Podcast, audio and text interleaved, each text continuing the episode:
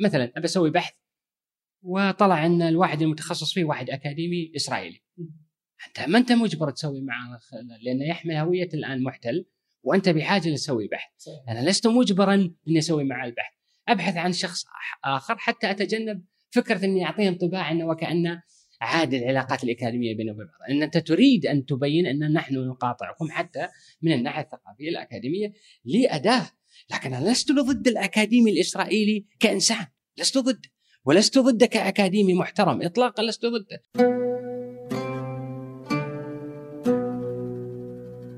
أهلا. آه هذا فنجان وأنا عبد الرحمن أبو مالح. ضيفي اليوم هو فهد آه بن راشد مطيري دكتور في علم اللسانيات آه في كلية التربية الأساسية مفكر آه مثقف يؤمن بدور المثقف. آه ستكون الحلقة هذه تكملة للحلقة السابقة. يعني هي حلقة رائعة جدا في كانت كم؟ شهر مارس تقريبا؟ وأعتقد كان شهر آه. فهذه حلقة رائعة ثانية بإذن الله. آه بنتطرق إلى عدة محاور آه إضافية. بناخذ قصة البدون البدون في الخليج البدون في, في الكويت آه العنصرية آه المقاطعة للكيان الصهيوني المقاطعة الثقافية وكيف ممكن آه نتعامل معها عندنا التعليم تجاربك برضه في التعليم فبيكون هذا هذه المحاور برضه موجودة عندنا عندنا آه قضايا التعليم آه دراستك بين الشرق والغرب العنصرية هناك التسامح فحقيقة أنها عدة محاور بتكون جميلة لطيفة.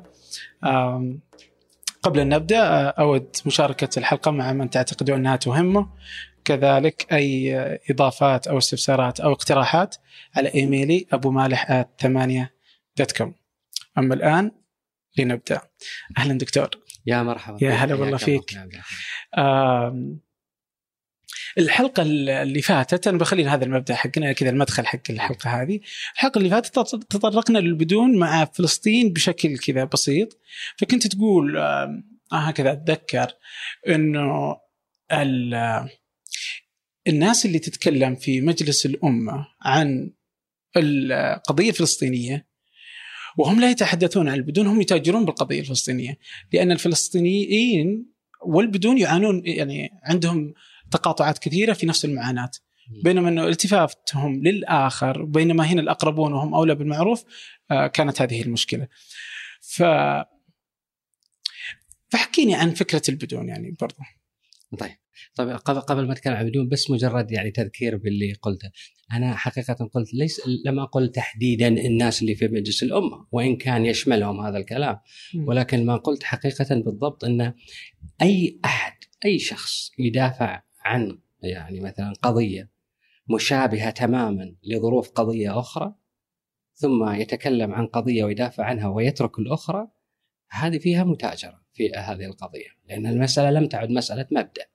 هذا بالضبط اللي أنا أقصده بأنك كيف تتاجر يعني كيف تدافع عن قضية وتترك قضية مشابهة تماما. وحددت أوجه التشابه بين قضية البدون وقضية فلسطين. فبالتالي أنا يعني أشعر وأرى وكتبت عن هذا الموضوع أن الوضع مع الأسف خاصة يعني الجانب ما دام تطرقت للبرلمان. طبعا البرلمان هو يقود الآن يعني وكأنه هو اللي يعني يرفع راية أن عدم التطبيع وهذا شيء ممتاز. ولكن من المؤسف أن يعني في أمور أخرى مثل قضية البدون مع الأسف يعني هناك نواب يعني متخاذلين في هذه القضية بل بعضهم يقف ضدها يعني ضد هذه القضية مع الأسف. فبالتالي يعني هذا الأمر يعني أعتقد هي فيه متاجرة أو على الأقل عدم اتساق في الموقف. هذا ابتداء بالنسبة لقضية البدون طبعا قضية البدون نحن نعرف ان البدون كما قلنا بدون جنسية فبالتالي هو عديم جنسية. المأساة في هذا الموضوع مع الأسف الذي ربما لم يسع لنا الوقت يعني أن نتطرق لها فيما سبق هي موضوع موضوع الجهاز المركزي. يعني يجب أعتقد أن نتوقف عند هذا الجهاز لأن الجهاز حسب القانون هو جهاز حكومي أنشئ لي بين قوسين معالجة أوضاع المقيمين بصورة غير قانونية. يعني الجهاز نفسه تسميته التسمية نفسها لا هي موضوعية ولا هي حتى قانونية. يعني الكلام هذا مو كلامي لانها مو قانونيه هذا كلام يعني لجنة آه، لجان قانونية في الأمم المتحدة مو كلام. إن عديم الجنسية تعريفه هو الشخص الذي لا تعترف فيه أي دولة. مواطنا من ضمن مواطنيها لا تعترف فيه. اذا هذا هو عديم الجنسية. انتهى الآن تأتي وتقول لا لا هذا ليس عديم الجنسية وإنما مقيم بصورة غير قانونية وتنسف آه يعني عقود من الزمن على وجودهم وعلى أدلة على وجودهم قضائيا وسياسيا واجتماعيا.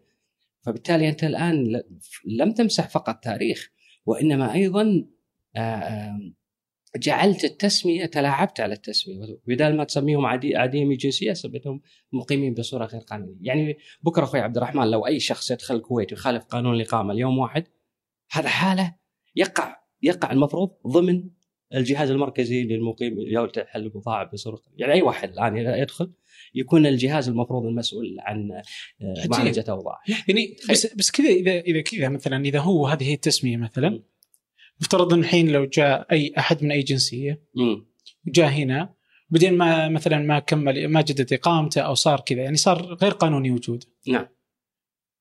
فهل ينطبق المفترض إنه يرحل. نعم. صار إنه هو ينطبق على نفس التسمية اللي هو موجود غير قانوني. هو هو وجوده غير قانوني. هو عادة في قانون الإقامة لو واحد خالف قانون الإقامة عادة يعني السلطات هنا عادة يعني ممكن على طول ترحله ترحيل. بس إيش يصير اسمه قانونيا؟ الآن أصبح تخالف قانون الإقامة. إذا هو إيه. مقيم بصورة غير قانونية لأنه خالف قانون الإقامة. والبدون إيش مسمينهم؟ مقيمين بصورة غير قانونية. يعني, يعني الاثنين نفس بعض؟ يعني ساوى بين شخص ولد على هذا الأرض وشخص تو تو طاق تو طامر الشبك عجيب والله. إيه يعني يعني أمر يعني أمر غريب حقيقة بالتعامل مع موضوع مثل هذا. يعني إن أن تسميه يعني مقيم بصورة غير قانونية أنت تحاول ان ان أن تقفز على مسؤوليتك أمام عديمي الجنسية. يعني أنت ممكن تغير الليبل تغير الاسم ولكن تبقى المشكلة هي موجودين بيننا ونشوفهم يوميا يعني فبالتالي ما راح يختفون ها بمجرد تسميهم مقيمين بصورة قانونية، المشكلة وين صايرة؟ المشكلة إن الاستراتيجية نفسها هي ما راح نسميهم عديم الجنسية، هذه استراتيجية الجهاز، يعني ما يحتاج يعلن عنها لأنه قاعد يطبقها على أرض الواقع. لن نسميهم آه، مثلا عديمي جنسية بينما نسميهم ماذا؟ مقيمين بصورة غير قانونية. ممتاز. طيب الخطوة الثانية، الخطوة الثانية الآن سوف نعمل على آه، استبدال وضعهم من مقيمين بصورة غير قانونية إلى مقيمين بصورة آه، بصورة قانونية. ممتاز ممتاز ممتاز هذا مقيمين بصورة قانونية ممتاز. كيف؟ راح نطلع جناسيهم من وين هم حقيقة؟ نطلع جناسيهم لأن لدينا أدلة على جناسيهم ممتاز. ممتاز. ممتاز. طلع الادله لا سوف أضغط عليهم نفسيا واجتماعيا واقتصاديا وانسانيا حتى هو يطلع جنسيته حتى هو يبلغ عن نفسه. يعني حتى حتى الحجة نفسها مضروبة بداية ابتداء مضروبة. آه طيب آه كيف تضغط عليهم نفسيا؟ آه نضغط عليهم نفسيا وانسانيا وكذا نضغط عليهم من خلال أنه يا توقع على ورقة. لا تعرف المعلومات المكتوبة عليها. يا نمنع عنك الأمور الأساسية لأي إنسان. تعليم صحة كذا. توقع. إذا ما تعاونت بالتوقيع يقطع عنك. لذلك للأسف البعض يعني يخفى عليه هذا الأمر. إنه مو صحيح البدون ممنوع عنهم التعليم. لا لا لا. لنفرق بين البدون الذي مع الأسف لكي يعيش وقع على معلومات لا يعرف عنها شيء أو على الأقل لا يرضى عنها وبين الآخرين اللي رفضوا يوقعون من الذي حدث للوقعون وحتى الذين وقعوا ما الثمن الذي دفعوه؟ آه، من أجل أن أن يعيشوا الثمن هو توقيع على شيء لا يعترفون فيه أصلا. حتى الذين لم يوقعوا مع الأسف ذهبوا إلى سفارات هذه الدول التي يقول الجهاز أنها ينتمون لدول مجاورة ذهبوا لسفارات والسفارات قالت لا ليس لنا ليس لكم عندنا شيء. لما ما في معلومات لكم عنه. وبالتالي لستم مواطنين لنا. تحديدا هذا هو المفهوم عديم الجنسية. لا دولة تعترف بها. فبالتالي هذا الموضوع مع الأسف يعني يعني حتى طريقة معالجته آه، متناقضة. يعني لما يطالب الإنسان البدون بحق الجنسية مطالبة. طبعا في هناك اسمها شيء اسمه سيادة. الدولة تقرر نعم أو لا حسب معيار مدني وليس بالمزاجية. للأسف اللي قاعد يصير بالمزاجية. ولكن عندما يطالب البدون بالجنسية ترفع ورقة السيادة. لا الجنسية السياده هي الدولة هي التي تقرر ممتاز.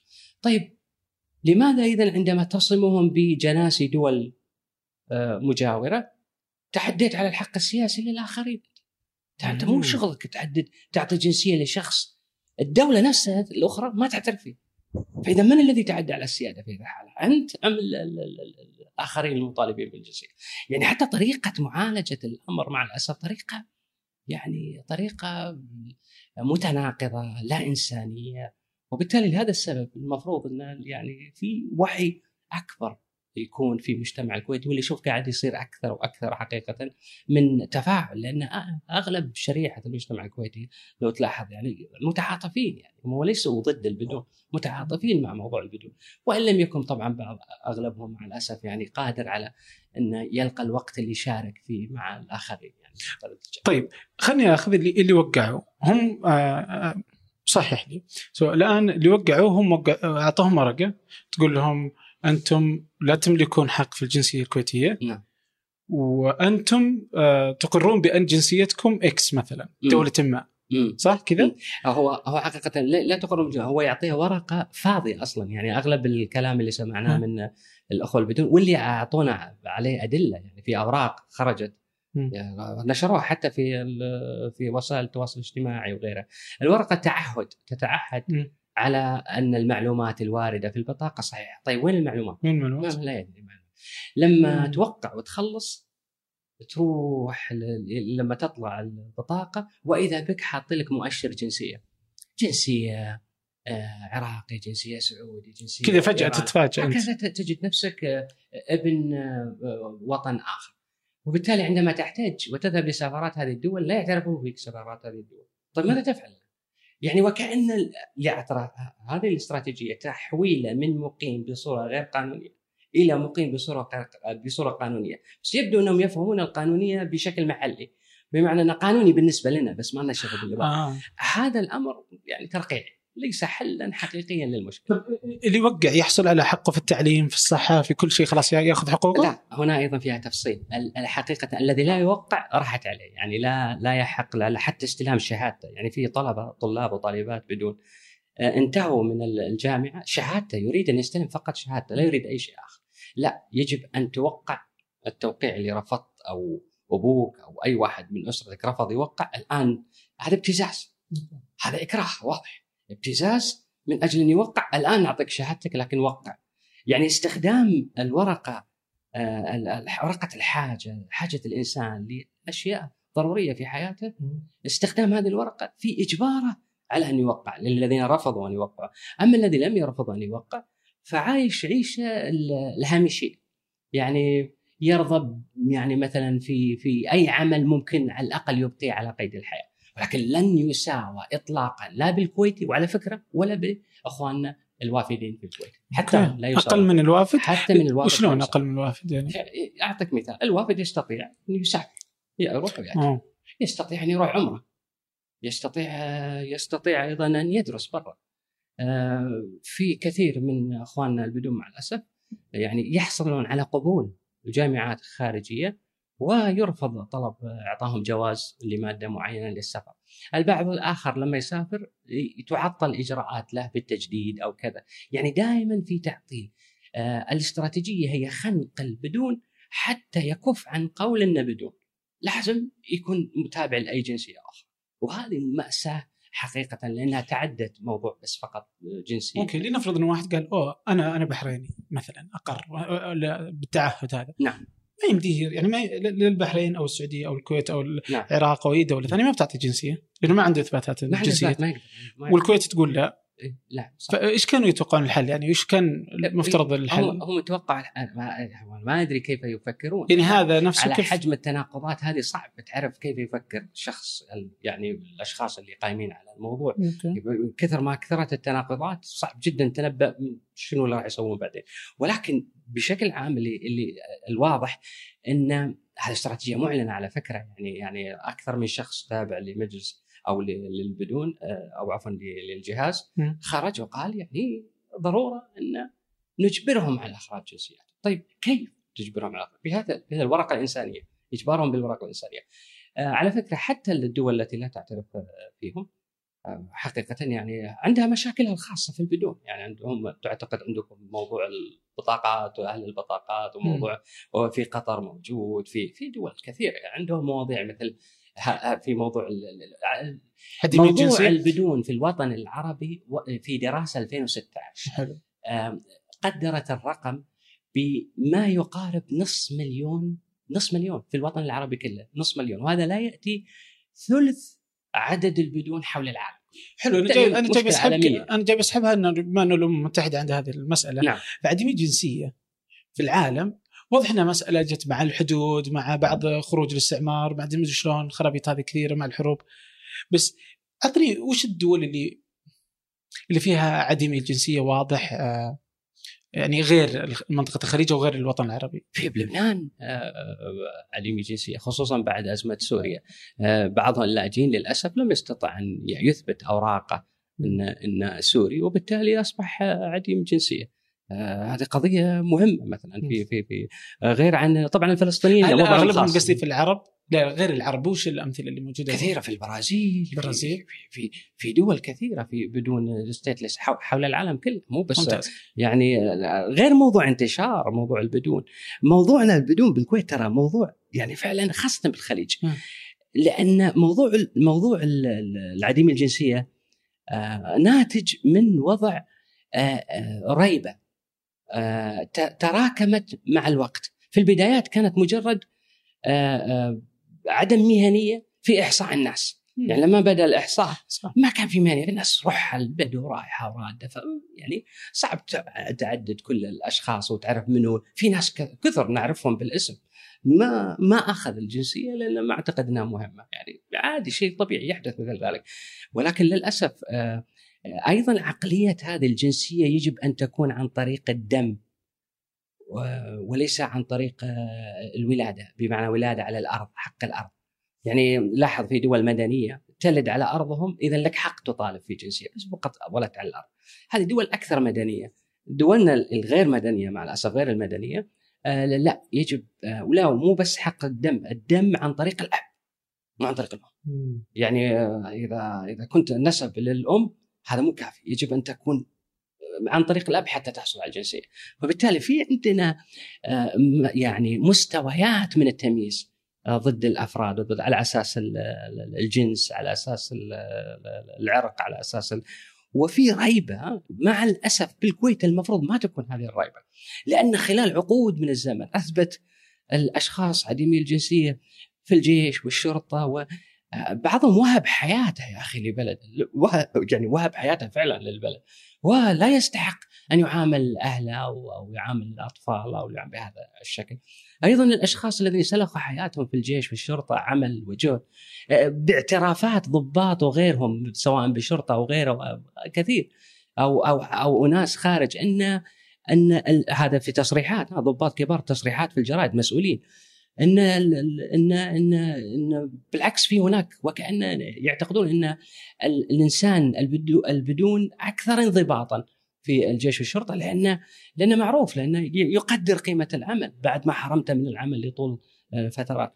فمع الأسف إن اللي قاعد يصير آه، لا آه، عدم عدم اكتراث بألمهم عدم اكتراث بخنقهم فقط عملية إن هذا الشخص لا يتبعني وأريد التخلص منه بأي شكل من الأشكال. وفي تواطؤ مع منظمات عالمية مع الأسف كيف؟ يلاحظ مثلا مفوضية الشؤون طبعا المتعلقه باللاجئين، مفوضية شؤون اللاجئين بدأت كمفوضية مختصة باللاجئين بالعالم يو إن إتش سي آر اسمها. لاحقا ضمت موضوع عديمي الجنسية. فاذا من مهامها الأصلية الآن أيضا من مهامها العديمي الجنسية. طيب أنت الآن عندك مكتب في الكويت ويرأسه يعني مثلا شخص آه، عربي وأيضا له يعني معاونين ست أشهر الآن من وصول آه، المكتب الجديد رئيس جديد لهذا المكتب يعني أنا مراقب لما يقول طول هذه الفترة مع الأسف الشديد هناك عدم اكتراث حتى بإشارة لمشاكل عديمي إشارة مجرد إشارة. من صلب مهامك يعني في لقاء تلفزيوني لمدة 20 دقيقة 20 دقيقة يتحدثون مع رئيس هذه المفوضية وإلى جانبه أيضا آه، معاونة آه، ومسؤوليه العلاقات الخارجية أعتقد كانت. ويناقشون موضوع ماذا؟ المفوضية ليوم لاجئ أو كان الموضوع. آه، وسئل تحديدا ما هي مهامكم؟ في المفوضية؟ ذكر المهام وكنت انتظر فقط يقول عديم الجنسية وقالها ممتاز ما دام قال عديم الجنسية من مهامهم اذا أكيد راح يتكلم عن عديم الجنسية في الكويت. انتهت المقابلة لم يشر إشارة واحدة إلى موضوع عديم الجنسية. يمكن لم يسأل يعني. أنا أعتقد أنا أنا أنا أعتقد إذا لم تسأل اذا من باب أولى نقول okay طيب لم تسأل بادر هاي مهمتك آه. طيب انتهى لم تبادر طيب ربما ربما من حسن نيه ربما أنت مهتم بهذا الموضوع والدليل أن عندك account في تويتر ربما الناس يقدرون يشوفون روح لل account شوف تيك شوف ال account إما pro-governmental بمعنى أن كل ما تفعله الحكومة في أي موضوع ممتاز والتهاني والتبريكات لنا باي شيء عيد الاستقلال عيد التحرير شكرا جزيلا. بس ماذا عن عديم الجنسيه اللي هي مهمتك؟ ما اطلاقا. يعني هذا أمر صراحة مثير للأسف ومثير يعني حقيقة ل يعني ما يعني للريبة أيضا ما ما هي مهامكم إذا إذا كان إذا كان هذا من صلب مهامكم ولا تتحد لا تشير حتى إشارة مجرد إشارة لموضوع عدم الجنس بالكويت.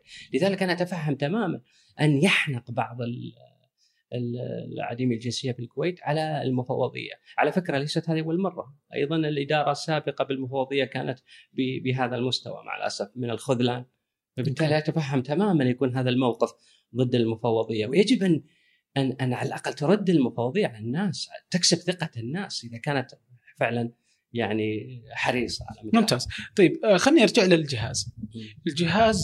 آه، متى بدأ؟ متى متى أسس؟ آه، الجهاز 2010 طلع آه جديد يعني. إي 2010 طلع طبعا هو امتداد للجان سابقة. أوكي. لجان سابقة كانت قبل اللجنة المركزية. كلها تقريبا تدور في نفسه هو هو الحقبه ما بعد التحرير. يعني تقريبا بال 93 بدأت اللجنة الأولى 96 ظهرت لجنة أخرى.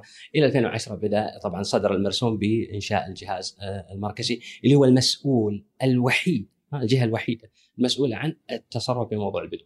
لذلك تابع للمجلس الوزراء حسب المادة الامير حسب المادة الثامنة من انشائه الجهاز هو الجهة الوحيدة المسؤول لذلك عندما يخرج رئيس الجهاز ويقول أنا ولي أمر البدون هو يعني ما يقول تماما آه. لأن المادة الثمانية تقول آه، الجهاز أنشئ والماده ثمانيه تقول هو المسؤول هذا معناته ماذا؟ معناته كل هذا الكلام عن طريق البرلمان وعن طريق الكذا وعن طريق ابدا يعني ما دام إن موازين السلطة تصب في في في صالح الجهاز اذا أمر طبيعي إن الجهاز يعني يعني لا يعني لا يرد على إلا على من يثيره اعلاميا. وبالتالي لو تلاحظ خروج مسؤولين في الجهاز عادة يخرجون مع قنوات ليست معارضة له لتوجهه يخرجون مع مقدم برنامج آه، فقط يجيد يقول نعم نعم ولا يجادل أو على الأقل يحاول أن يطرح سؤال حقيقي أو لا. فقط مقدم برنامج موافق طول الخط يسمع يعني اللي تقوله حاضر طبعا فبالتالي هذا الوضع يعني ما أتوقع طبعا هارد توك عندنا بالكويت. بس يعني بعدين إن شاء الله يعني راح يطلع براءه على خير إن شاء الله. طيب هل في مرحلة من مراحل الجهاز كنت آه، كان جيد؟ يعني على الأقل مثلا بداية بعدين يعني جهاز؟ جهاز؟ آه نعم الجهاز آه إيش اسمه؟ الجهاز الجهاز المركزي. الجهاز المركزي. م- م- هل في مرحلة من مراحله كان آه، في خطى جيدة لحل الأزمة من يوم تأسس إلى اليوم؟ ولا من يومه أداء طبعا الجهاز جاء لتحقيق استراتيجية، الاستراتيجية ابتداء ليست زي يعني زينة فبالتالي بالتالي أنا ما أدري شنو الخطط اللي ممكن يحققها عشان تصير زينة. الجهاز تسميته نفسها خطأ. التسمية نفسها خطأ. الجهاز نفسه يامر يامر على وزارات لأن يفعلوا كذا وكذا وعلى مؤسسات حكومية منها جامعة الكويت ومنها الهيئة العامة ومن يامر إن يعقد يعقد اجتماعات و... ويلبون يلبونها مثل هذه الأمور وبالتالي أنت اقمت دولة داخل الدولة. يعني وزارات تأتمر بأمر الجهاز. طيب ليش ليش اليوم بدون مثلا موجودة في الخليج كله أوكي؟ وموجودة في زي ما ذكرنا برضه في الوطن العربي وموجودة في العالم. بس إذا أخذنا على شكل مثلا الدول العربيه وحتى الخليج بالدرجة الأولى ليش صوت الكويت دائما هو الأعلى؟ هل لأن الأزمة أكثر آه، تجليا ولا لأن صوتكم أعلى ولا وش بالضبط يعني؟ هو هو صوت الكويت أعلى لأكثر من سبب بس أعتقد السبب الأساسي لأن صوت الكويت أعلى هو يعني لأسباب موضوعية تاريخية يعني م. يعني آه، عادة بالكويت يعني إذا كانت هنا إذا كان هناك شيء من حرية التعبير في الكويت فهو يعني مجرد امتداد لما كنا ننعم فيه بالماضي. آه، إذا كان هناك آه، أناس يتحركون ميدانيا من خلال مطالبة بحقوقهم آه، مطالبة سلمية طبعا بحقوقهم وكذا، اذا هذا أيضا امتداد لوضع الكويت آه، منذ يعني عقود من الزمن. فبالتالي نحن ننعم بهذا الامتداد، لا يعني أننا ننعم بنفس المستوى السابق اطلاقا.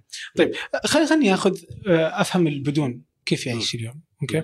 مثلا واحدة من الأشياء مثلا آه لنأخذ البدون من بدايته so يولد يروح للمستشفيات الحكومية عادي صحيح؟ من بدايته لا لا. لا. في حقبة مرت ما في حتى بطاقة ميلاد إنك شهادة ولد. ميلاد ما تطلع. ما ما طلع في ناس لم يتزوجوا لأنه ما هو قادر يصدق عقد الزواج. يعني يعني يعني يعني مرت حقب على البدون. هو المشكلة إن في هذه الحقب للأسف آه الذي يحاول أن يقف مع الجهاز يختار نقطة تاريخية معينة حتى يقول لا الكلام هذا مو صحيح. لماذا؟ لأن هذه النقطة تحديدا تفيده. ل- من نفرض مثلا إن الجهاز مرة وافق على بعض الحالات لأنها لأنها لبت مثلا آه، ما يريد الجهاز توقيع وكذا. فبالتالي يأخذ مثل هذه الحالات ويظهرها اعلاميا إن هذا الأمر السائد وهو وهو ليس صحيح ليس سائدا في ظروف معينة ما هو الثمن دائما يجب أن تسأل. ما هو الثمن لهذا الشخص كعديم جنسية ينعم بحقوقه وليست هبات حقوقه. ما هو ما ما ما, هي ما هو الثمن الذي دفعه؟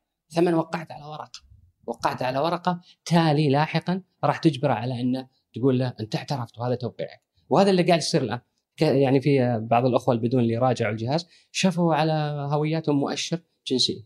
مؤشر جنسيه عراقي مؤشر جنسيه إيراني مؤشر جنسيه وهكذا واللي يصير على الاب يصير على الأولاد على طول خلاص تباعا ما يحتاج. آه. طيب. عليهم.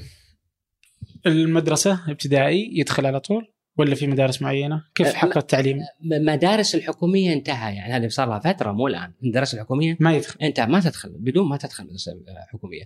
طيب وين تروح؟ أروح للمدارس الأهلية الخاصة. طيب أنت الآن مدرسه أهلية خاصة إذا أبوك مو موقع أو كذا من وين تعيش؟ يعني ما في ما في شلون تدفع؟ فبالتالي صارت ليه؟ إذا مو موقع ما يشتغل؟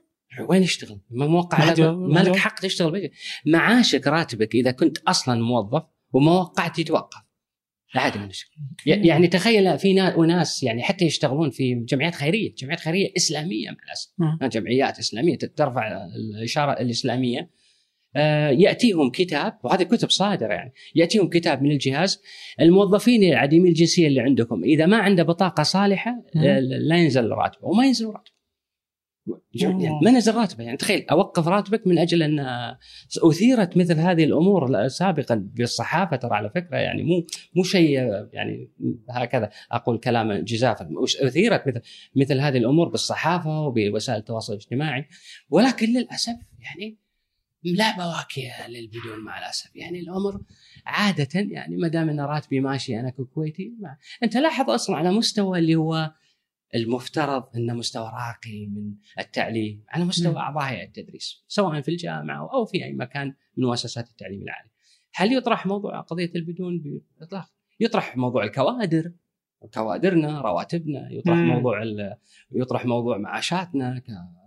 ولكن لا يطرح موضوع آه، على الأقل طيب ماذا عن ماذا عن الأشخاص اللي أصلا ما عندهم راتب؟ يعني لا لا يطرح. آه، طبعا بعضهم حاول يتحرك أخيرا أقيم ندوة أو شيء بس على أساس إنه والله سوينا شيء. لكن بيان كنا نطالبهم من أكثر من مرة أكثر من شخص طالبهم في بيان بيان واحد. تكلم عن اللي قاعد يصير مع العديم الجنسي إيش يقول لك؟ لم يصدر البيان. لا أنا هم يقولون شيء يعني هم إلى الآن مع الأسف الصمت يعني الصمت هو سيد اي الموضوع لما تقول لي ليش ليش ما تتكلم؟ مش عادة إنه حجج. والله أنا ما سألت هذا السؤال لهم مباشرة لأن لأن حقيقة مضيعه الوقت أن تسأل ل ل ل ل ل لأناس يعرفون أكثر من غيرهم انه كان المفروض تصدر بيان. فما تسأل أنت بشكل مباشر يعني ما لأن يعرفون هم الأمر يعني. شنو مو بس هم احزاب التيارات السياسية. يعني ممكن يصدرون بيان عن زلزال ممكن صاير حتى في اقاصي الأرض ما عندهم مشكلة. بس بيان عن ماذا يحدث عديم الجنسية بالكويت بيان مشترك. لا مو مشكلة ما, ما يصدرون ما, عندهم. ما ما ما يصدرون ما عندهم مشكلة. يعني أسبوع البدون الثقافي توقف ما صدر بيان مشترك من التيارات الاحزاب السياسية مع أنه قالوا سوف يصدر. انتظرنا صدرت بيانات يتيمة من أحزاب متفرقة تيارات سياسية متفرقة. لكن البيان المشترك لم يصدر. لماذا؟ فبالتالي الأمر يعني هو في تخاذل على كل المستويات مع الأسف. وانت وقتها ألقيت المحاضرة اللي بدون ألقينا المحاضرة في الأسبوع ف- بدون أحد صح؟ هذا كان ال- المنظمين كانوا رأيهم إن لا إن ما دام انها منعت ما نبي نحرج أحد والأمر الآخر تكون أكثر وقعا على على المستمع. إن الجمهور والكراسي فاضية. أنا صراحة بالنسبة لي أنا يعني أصدرنا بيان في المنصة إن سوف نلقي المحاضرات سواء نخرجها عن طريق الفيديو أو في أي مكان بس المحاضرات لن تتوقف. وفعلا هذا الذي حدث. طريقة إخراجها ليست من يعني مسؤوليتنا. هم المنظمين هم إخراج. فأخرجوها بهذه الطريقة التي ارتأوها يعني مناسبة ووافقنا. وذهبت الدكتورة ابتهال وذهبت وكل يعني منا ألقى محاضرتين.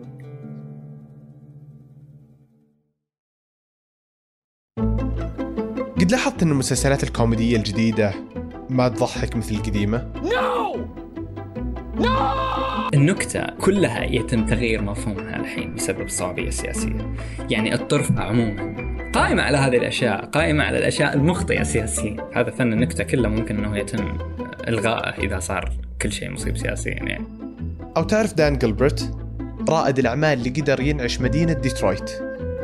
بالتصميم. قام بشراء آه، معظم العقارات في ال downtown في مدينة ديترويت. لما اشترى العقارات وظف فيها 24 من أبناء كليفلاند من أبناء ديترويت.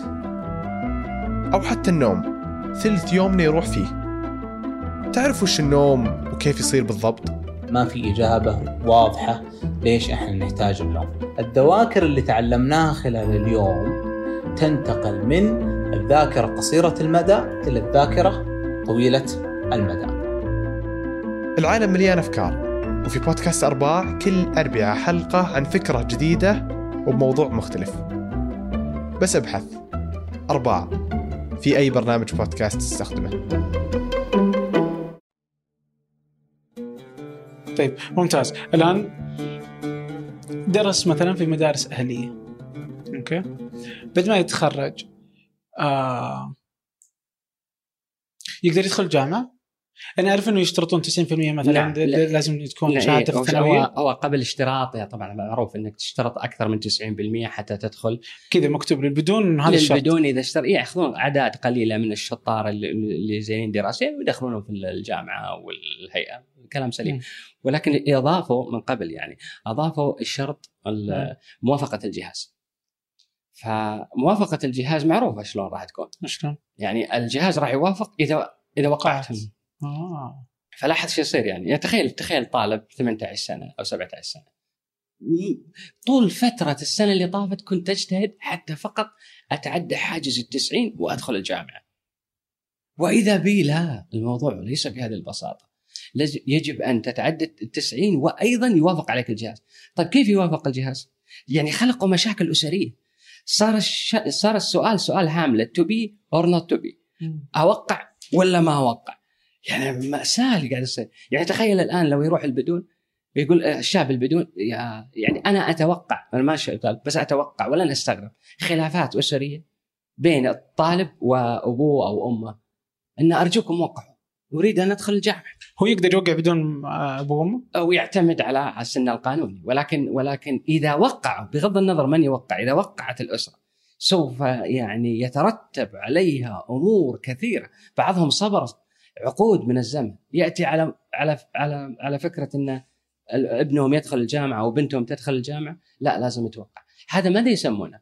يسمونه ابتزاز. مو من فرد ابتزاز منظم حكومي. ابتزاز. يعني أنا أنا أنا أفهم هذا الأمر. ممكن عصابات برا يسوونه يبتزك على بس مو منظم مؤسسي. ما يصير ما يصير ما يصير حكومة تبتز. ما يجوز هذا الكلام. ما يصير تبتز وناس وقع أو لا. يعني يأتي جهاز يتكلم باسم الحكومة ويبتز الناس. وهذا هذا ما يجوز. يعني أمر أمر يعني لا اخلاقيا لا قانونيا لا يعني لو بتعذر الجهاز في عدم حل المسألة حل قطعي وش وش ال- وش الأعذار الممكنه للجهاز يعني؟ ما فهمت السؤال عفوا. يعني إنه ينهي المسألة خلاص البدون خلنا عندنا سنتين لازم نقفل الملف قالوها أنت رد للتصريحات القديمة أول ما آه. طلع الجهاز ستة أشهر والخ- انتهت مو بس الجهاز على فكرة أكثر من وزير وأكثر مثلا إنه. يجنسهم لنفرض إنه يعطيهم حق الجنسية مثلا.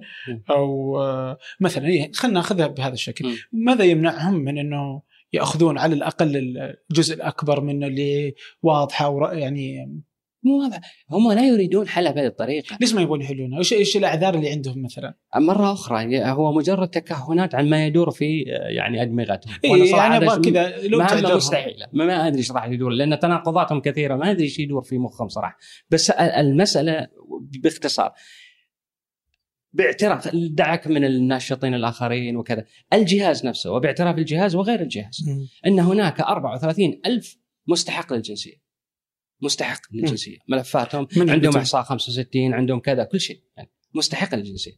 طبعا الجهاز ماذا يقول؟ بس ترى هذا مو شغله يجنس الحكومة تجنس. يعني اخلى مسؤوليته الآن. بس يبدو إن شغل الجهاز إنه يحدد جنسيات أخرى. إي هذا يعتبر هذا شغله. لكن شغله إنه يقول هذه مو ج... أنا ما أجنس هذا مو شغله. يعني كم يعني عددهم طيب في الك... يعني اذا إذا 34000 أيضا موضوع شائك آخر. ما هناك ما في إحصائيات. يعني تخيل حتى على مستوى الميداني أحيانا نحاول نعرف كم شخص موجود. آه، كم كم عوائل بدون حتى نق... يعني نحاول نعرف من خلال أعداد الطلبة نحاول. يعني تقديري العدد فقط تقديري طبعا الأعداد آه، تقريبا البعض يقول فوق 100000 120000 البعض يوصلها ل 200000 فبالتالي بهذه الحدود لكن حقيقه ليست هناك إحصائيات لا حكومية ولا غير حكومية موثوق فيها مع الأسف فيعني عندنا على الأقل يعني إنه ربع البدون في الكويت قال الجهاز إن إنهم يستحقوا الجنسية أنا أنا مره تقريباً يعني بحسب كلامهم قالوا إن نعم هذا الكلام سابق. آه ال- المأساة وين صارت؟ إن حتى ال 34 ألف هذا يراد تقليص عددهم. فاذا هناك في أشخاص من اللي عندهم إحصاء 65 من المستحقين للجنسية من 34 ألف آه، اكتشفوا إن وضع مؤشرات جنسية أخرى لهم. يعني حتى هؤلاء اللي كانوا المفروض مستحقين. فبالتالي واضح إن الاستراتيجية لا لا خلينا نقلص بعد أعدادهم. خلينا نصل إلى أقل عدد ممكن نجنسه والباقي نقول لهم يعني ما لكم شيء. هل جنس إلى اليوم من بداية الجهاز إلى اليوم؟ آه، جنس سابقا أعتقد من مع بدايات يعني طلع في قانون إنه يجنس كل سنة عدد معين مثلا طبعا آه، مات القانون في يعني يعني عدت ربما الدفعة وبعدين مات الموضوع. آه، لأنه واضح إن في هناك شريحة اجتماعية آه، لها يعني ثقل سياسي أو لها مدخل على أهل السياسة. هم اللي يتحكمون بأمر ال- الو- الوضع البدون ويرون البدون دخلاء عليهم ومع كل الحقائق اللي تبينها ان إن ماذا فعل البدون وما. طبعا أنا أنا لا أنا شخصيا لا أعترف حتى في معيارهم لتعديد الجنسية. يعني مع سالفة إن 65 إحصاء 65 خلاص تجنس مم. أو كذا. مو هذه الفكرة. ربما إحصاء 65 يعني و أو أو عفوا ربما إحصاء مثلا حتى لاحق 70 أو إحصاء حتى إحصاءات. الفكرة إن هذا الشخص هذا الشخص اولا اعامله كإنسان. مو عامله كشخص أقل إنسانية أقل آدمية إنسان. ما لك حق. تهضم أي حق من حقوق الإنسانية الإنسانية. ما لك حق تمنع من التطبيب إلا يوقع ولا تمنع من التعليم إلا يوقع. قال ما لك حق. الآن الامر الآخر إن موضوع الجنسية يجب أن ينظر له بمعيار مدني. مدني بمعنى هل أستفيد من هذا الشخص؟ هل أستطيع أن أستفيد من الشخص؟ طيب إذا ما استطعت أن أستفيد هل هل أستطيع؟ هل أستطيع؟ لاحظ الاستفادة ارجوك مو معناتها إنه والله إذا أستفيد أجنسك. لا لا مو هكذا. المقصد إنه أنت إنسان اولا سواء استفدت منك أو ما استفدت. منك. أنت إنسان لن أهضم حقك الإنساني. لكن موضوع الجنسية يدخل فيه عملية طيب ماذا لو مثلا جنست عدد معين؟ هل أحتاجهم؟ أقصد كدولة ممتاز. آه قبل حاجتي لهم هل فعلا يستحق الجنسية؟ غصبا عليه كدولة. بمعنى المعياري واضح إنه محقق المعيار مو مزاجية. هي في معيار محققة. كم سنة عايش؟ آه ولد من أب أيضا مولود بالكويت. إلى متى؟ كم جيل تنتظر حتى تعطيه الجنسية؟ يعني أقصد في معايير لازم تراعيها. يعني ما معقول في واحد أجيال؟ أجيال. ولا تعترف فيه. لا هو اللي باجل ما يصير. عجيب والله. طيب. بالنسبة لل- اللي اللي وقع. دخل مثلا الجامعة. أو في أي مكان، هل بعد ما يوقع لا تزال تمارس عليه مثلا بعض ال- أشكال التمييز، أشكال العنصرية كبدون؟ العنصرية من من؟ قصدك من ال- من المجتمع؟ الجهاز أو من المجتمع؟ أو حتى اكاديميا من ال... والله في, في الجانب الأكاديمي. والامانه يعني أنا قلت لك أنا في ال في ال في ال على مستوى الشعبي بشكل عام يعني.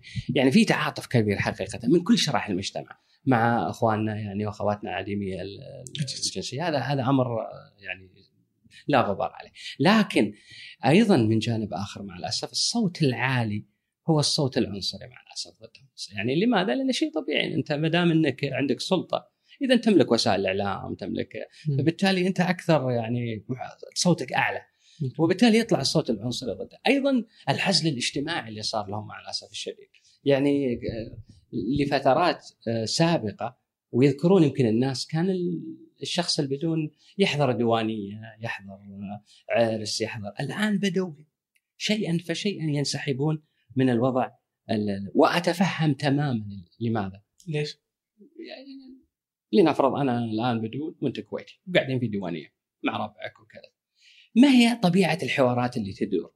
غالبا اللي عنده بيت قاعد يبنيه اللي عنده مثلا بعثة ما عارف ياخذ الدولة هذه أو الدولة هذه اللي يقول والله ما أدري وصل لي قبول في الكلية هذه أو أخذ هذه أو أخذ هذه. اللي يقول بالصيف وين بنروح تسافر؟ تروح الدولة الفلانية؟ لا ما يمدحونها روح الدولة الفلانية. لاحظ المواضيع أرجوك لاحظ نوعية المواضيع اللي تدور. ما هو مشاعري أنا مثلا كشخص أو يعني ينظر ويسمع مثل هذه الأمور وأنا ليس لي حق من كل ما مش إيش قعدني أصلا؟ فبالتالي شيء طبيعي يحدث ماذا؟ انسحاب من مجتمع. لذلك أنا أذكر كانوا متواجدين بين لفترات انسحبوا تدريجيا حفاظا على كرامتهم وحفاظا على صحتهم النفسية. لذلك حدث العزل مع الأسف العزل العزل الاجتماعي هذا أتكلم عنه العزل السياسي وغيره هذا معروف يعني تمارسه الدولة ضدهم ولكن العزل الاجتماعي أمر طبيعي يعني نتيجة طبيعية للتفاوت الطبقي والاجتماعي اللي رسخته مع الأسف الحكومة وجهازها طيب جميل هو خلني بخلي مدخل لي لي- للعنصرية فأنت سبق وقلت إنه العنصرية في الكويت. تنقسم إلى شكلين يعني. في اللي هي نقدر نشوفها في كل المجتمعات واللي تظهر بين البدو والحضر مم. وفي اللي تمارسها المؤسسات اللي هي على الوافدين. والبدون. اليوم يعني العنصرية كلمة شوي كبيرة الناس اليوم آه إذا أخذناها برضو على كل المجتمعات اليوم مرة كثير اللي تجي تقدر تشوفها مثلا في آه في آه عندنا في الخليج ولا تقدر تشوفها في كل مكان كل مم. العالم العنصرية اليوم ماخذة شكل جيد في حضورها مم. آه، من هالناحية. وفي ناس تمارس العنصرية وهي ما تدري أصلا إنها تمارس عنصرية مم. جهلا ليس قصدا وإنما لو عرف ربما إنه مم. ما مارسها. فخلينا نعرف أصلا اول شيء وش العنصرية؟ كيف تشكلت في العنصرية طبعا هو العنصرية هو تمييز يعني م. كل تمييز بس مو اي يعني نوع خاص من التمييز تمييز بين البشر على أساس آه، عرقي أو على أساس آه، يعني يعني نقول أساس عرقي أو إثني في فرق بين نقول عرقي مثلا وإثني يعني على أساس مثلا عرقي على أساس يعني انت من وين؟ من أي من أي أصل. ولا إثني على أساس معناته الخلفية الاجتماعية الخلفية التاريخية الخلفية. وبالتالي يعني التفرقة على على مثلا على يعني مثلا خلفيتك الاجتماعية شنو؟ من الحاضرة أم من البادية؟ أو مثلا أنت تابع للثقافة الفلانية من الثقافة الفلانية؟ وهكذا.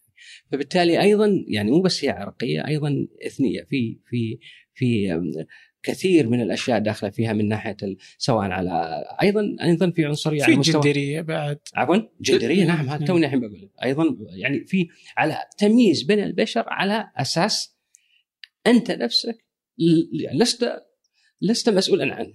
حلو. يعني لست مسؤولا عنه. فبالتالي ما يجوز يعني أصلا يعني متناقض إنك إنك تسأل. يعني تخيل كأنك تلومني ليش الشمس مشرقة من الشرق؟ أنا شك اشرقت من الشرق. يعني أنا لا تلومني على شيء أنا ما فبالتالي وكأننا نلوم الآخر على هو مو لوم حقيقة هو محاولة. طبعا العنصرية على فكرة لا تنبت هكذا تنبت لأسباب اقتصادية سياسية هي الأساس لها اللي يعني تلاحظ لماذا العنصرية في يعني بعد الأزمة الاقتصادية؟ انفجرت؟ يعني انفجرت لأن ال- اليمين هذا هذا خطاب اليمين الآن. خطاب اليمين الآن لأن عندنا مشاكل اقتصادية. إذا لابد أن تبحث عن كبش الفداء، من كبش الفداء؟ المسلمين في أوروبا أو مثلا حتى عندنا هنا في الكويت مثلا. الآن شوف الزحمة بالسيارات. من المسؤول؟ الوافدين مسؤولين، دائما تبحث عن شخص آخر تلقي عليه اللوم. وبالتالي فبالتالي العنصرية هي حقيقة في هذا الوضع.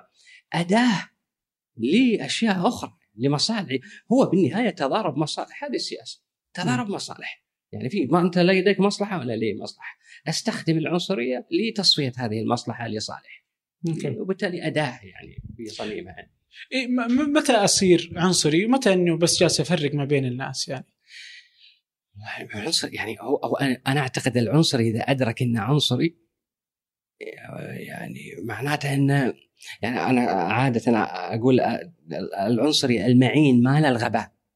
مو مو عفوا مو كل عنصري غبي بس ال- ال- اللي يقصد أن كل عنصري يتصرف بطريقة غبية لأن العنصرية نفسها يعني قائمة حقيقة يعني ليس ليس موقفا ذكيا اطلاقا ما هو غبي لأنك تميز بين الناس على أساس غير عقلاني غير عقلاني تمام لذلك لو تلاحظ حتى حتى خطاباتهم ها؟ يعني خطابات العنصريين آه، مثيرة للضحك.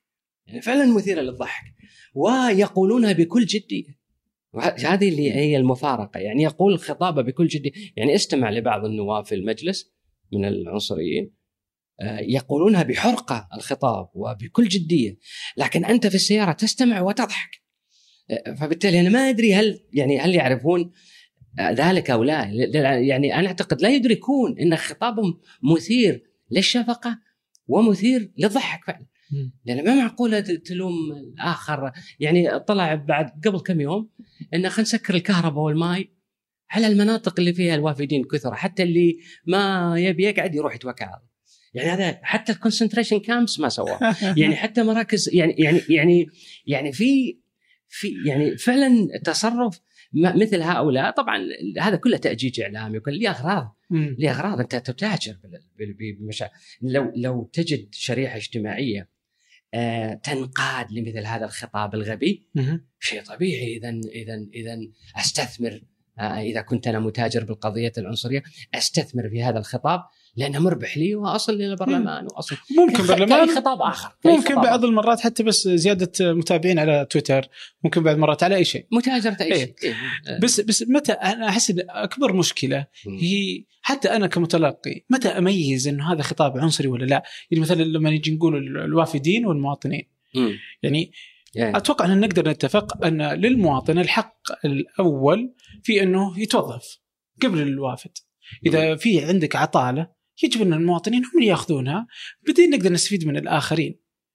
فحقي ومطالبتي بتوطين الوظائف. هل هو عنصرية ولا لا؟ توطين الأشياء حق المواطن أنه هو يأخذ الأشياء اولا هل هو حق. شرعي نعم. ولا هذه عنصرية؟ أوكي آه، اولا آه، هو هو هو العنصرية مو عملية توزيع حقوق أنت أو أو أولويات في الحقوق. العنصرية موقف يقوم على التمييز بين البشر على أساس معين كذا وكذا وكذا. ممتاز. أنا أعتقد سؤالك إجابة على سؤالك. الموضوع أعتقد الموضوع شائك وأدري ما أقول لن يعجب الكثيرين. ولكن آه، يعني أنا بصراحة لا أقول لكي كلاما لكي يعجب الآخرين. أنا أقول الكلام اللي أنا مقتنع فيه. أنا أعتقد موقف غير أخلاقي آه أنك تأخذ شيء أنت لا تستحقه. ابتداء. يعني إذا تأخذ شيء أنت تعرف أنك لم تتعب فيه هذا موقف غير أخلاقي أنك تأخذه. لم تتعب فيه. الآن ممتاز. أرجوك. هذا الكلام اللي قاعد أقوله وليس اقوله أنا كمنظر وكحكيم وأنا لا أفعل ذلك؟ لا لا لا. أنا أقصد فقط لنفكر سويا ممتاز أن فكرة إنك كمواطن لك الأحقية يجب أن أن نسائل هذه الأحقية، لماذا لك الأحقية؟ فقط لأنك مواطن؟ ممتاز. ما ال- ما الذي عملته كي تكون مواطن؟ ما عملت شيء ترى، صحيح فقط صدفة بيولوجية وأصبحت مواطن. ممتاز تماما صدفة بيولوجية، ممتاز. اذا كونها صدفة بيولوجية إذا ما تتكلم عن أحقية.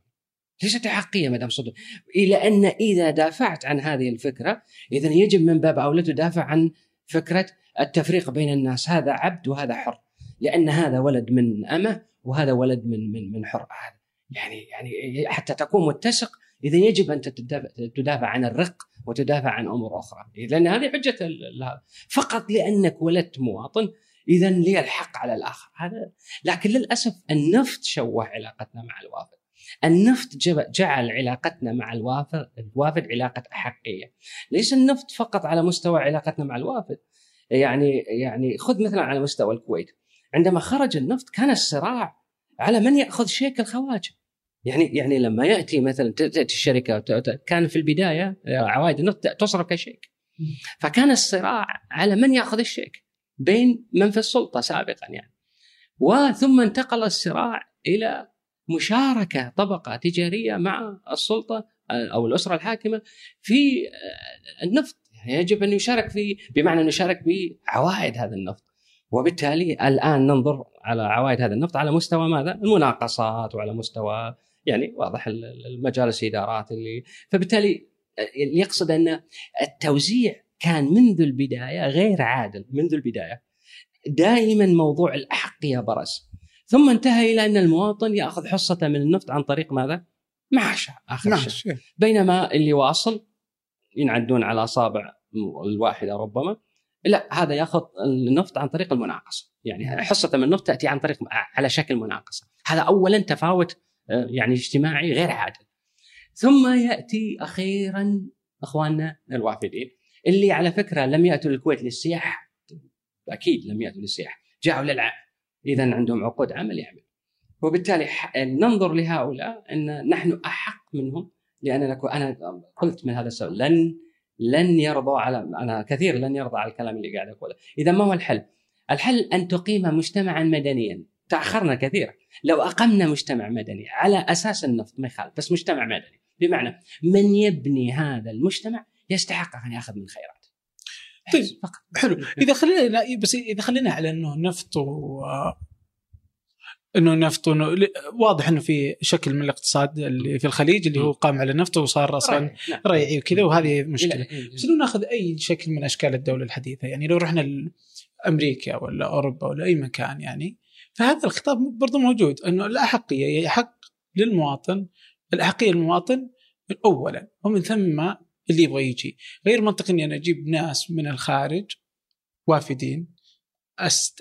أطلب خدماتهم وعندي ناس في الداخل مو قادرين يلقون آه، وظائف مو قادرين يأكلون مو قادرين آه، فحق الدولة فحق الدولة على المواطن واجب الدولة على المواطن إنها تلقى بس- له وظيفة تخليه يقدر يعيش. فمن هنا يبدأ فهمت؟ إنه أنا أحس إنه من هنا يبدأ النقاش بس آه، يخلي المدخل صحيح. بس أنا أنا أعتقد أنت وك- بهذا التصور أنا أفهمها هكذا بتصورك يشبه إن شخص مع ابنائه وجدوا كنز بس ابنائه ما لهم خلق يشيلون الكنز معاهم يردون البيت راحوا أجروا لهم ناس يشيلون الكنز لهم. يردون البيت لما وصلوا هناك قالوا منو اللي حق الكنز؟ لا حق الكنز اللي اللي اللي لقى حقه هذا كنزه. وبالتالي الثانيين نعطيهم فتات هذا بناء على اتفاق لأنه إحنا اتفقنا في البداية إنه اتفقت أنا رحت قلت لهم أنتم تعالوا ابغاكم تشيلون وتنقلون لي الكنز حقي من هنا إلى هناك لأنه ما لي خلق. وبعطيكم قيمته مثلا هذا المبلغ. حلو. اتفقنا اتفقنا. يوم وصلنا هناك أعطيهم المبلغ وإحنا ناخذ الكنز. بس لا تبني دول بهذا الشكل. أنت لا تبني دولة بأن تعود مواطنيك على الكسل وتقول له استريح. و... وأنا أتفهم تماما لأن المواطن الخليجي مهما حاول أن يعمل لن ينافس قيمة الإنتاج بالعمل قيمة آه، إنتاج النفط. لا يستطيع. صحيح هذا الكلام. ولكن بإمكان الدولة أن لا تعتمد اعتمادا كليا اذا على النفط. بإمكانها أن تخلق وظائف حقيقية. لأن الإنسان الخليجي ليس إنسان عاهل أو عاطل أو أو غبي أو الانسان الخليجي قادر على العمل وأجدادهم عملوا بصدق واستطاعوا أن يعني خلال مراحل من تاريخهم استطاعوا أن يعيشوا سواء في البحر أو في الصحراء، استطاعوا أن يبقوا على قيد الحياة. لماذا تنشأ من هؤلاء اجيال آه، غير يعني مقدرة لقيمة العمل وفقط تقول لهم أنت خل بس ولائك لي وهذه فلوس آخر الشهر تعمل ما تعمل مو مشكلة بس هذه فلوسك خليك بس معي. ما يصير هذا ما تخلق الدولة. لأن نعطيها أفضلية. يعني مثلا ممكن أفضلية لماذا؟ الافضليه على ماذا؟ هو الأفضلية على مستوى العمل، أنت الآن في شركة. من تعطي واحد مثلا من جنسية عربية اشتغل صح تعطيه أكثر حقيقة من شخص ربما من جنسيتك بس ما اشتغل صح، صح؟ على حق العمل. طيب لماذا لا تعامل الشركة بطريقة يعني فعالة لما عندما يكون الأمر خاص فيك ولا تعامل شيء عندما يخص العالم ال- ال- العامة كلهم في الدولة لا تعاملها بهذه الطريقة، لا تعاملها وكأنها عزبة. آه هذه عزبتنا ونحن اللي يعني أنت تبقى كما أنت، هذه مجتمعات منغلقة ترى، المجتمعات المفتوحة. دائما في هناك محاولة لصعود السلم الاجتماعي.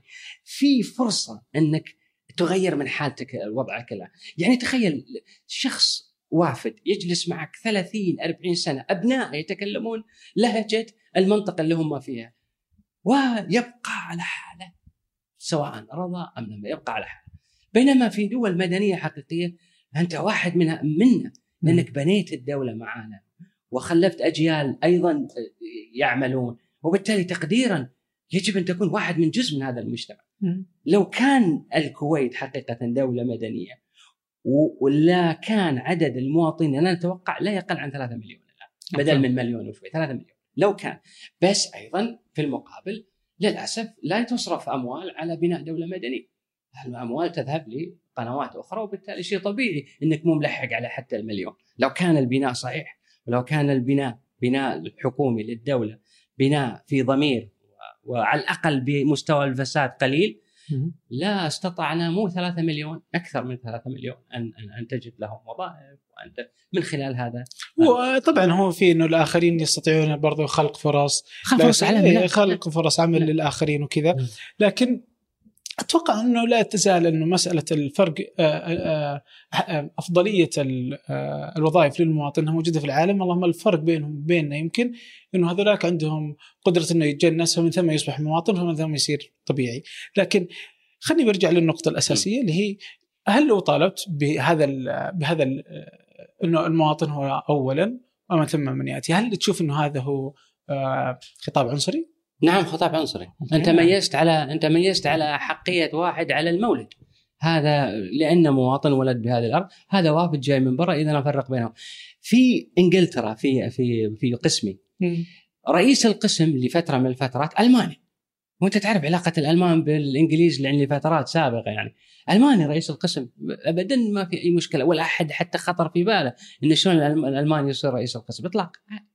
ألماني وصار رئيس القسم ما في أي مشكلة. يعني اللي يقصد ان أن كيف في داخل حتى جامعاتنا اللي المفروض يوصل المستوى مستوى من النضج بأن تتعامل مع الشخص على على على كشخص كإنسان ابتداء. نعامله كوافد. يعني لاحظ حتى في في جامعاتنا. كيف نعامله؟ يا رجل حتى المكاتب لما انتقلنا إلى إلى مكان مكاتب يعني انتقلنا من من المكان المنطقة إلى إلى المبنى الجديد صار الصراع على المكاتب ولم يدر في خلدهم أصلا فكرة انه طيب ماذا عن أخواننا الوافدين ليسوا بالقرعة للمكاتب الموجودة يعني بعض الأقسام مو كلها للأسف لا لا يحق لك والآن انتهى الوضع إلى ماذا؟ ماشي. إن كويتي تكون لك مكتب لحالك غير كويتي يحشروا لك ثلاثة اثنين مع بعض أربعة يعني لا. يعني كيف كيف تقوم علاقتك مع زميلك على أساس إنه هو مو... أنت مواطن وهو وافد. بينما هذا مكان علم. ما يمشي من إن شاء الله من المريخ. اللي هم مقدار ما تعلمه منك ومقدار ما تتعلمه منه. الاحترام المتبادل هذا رقم واحد. في. عالم الأكاديمي يص... يصير مثل هذا الكلام مع الأسف. يعني مأساة اللي قاعد يصير. يعني حتى في الج... فما فما بالك في توقع في مجالات خارج ال- المجال الجامعي. لا المجال الاكاديمي قاعد أتكلم عنه. يعني ناس سلخوا حياتهم يدرسون دكتوراه ماجستير وإلى الآن لم يفهم إن اللي قاعد يسوي غلط.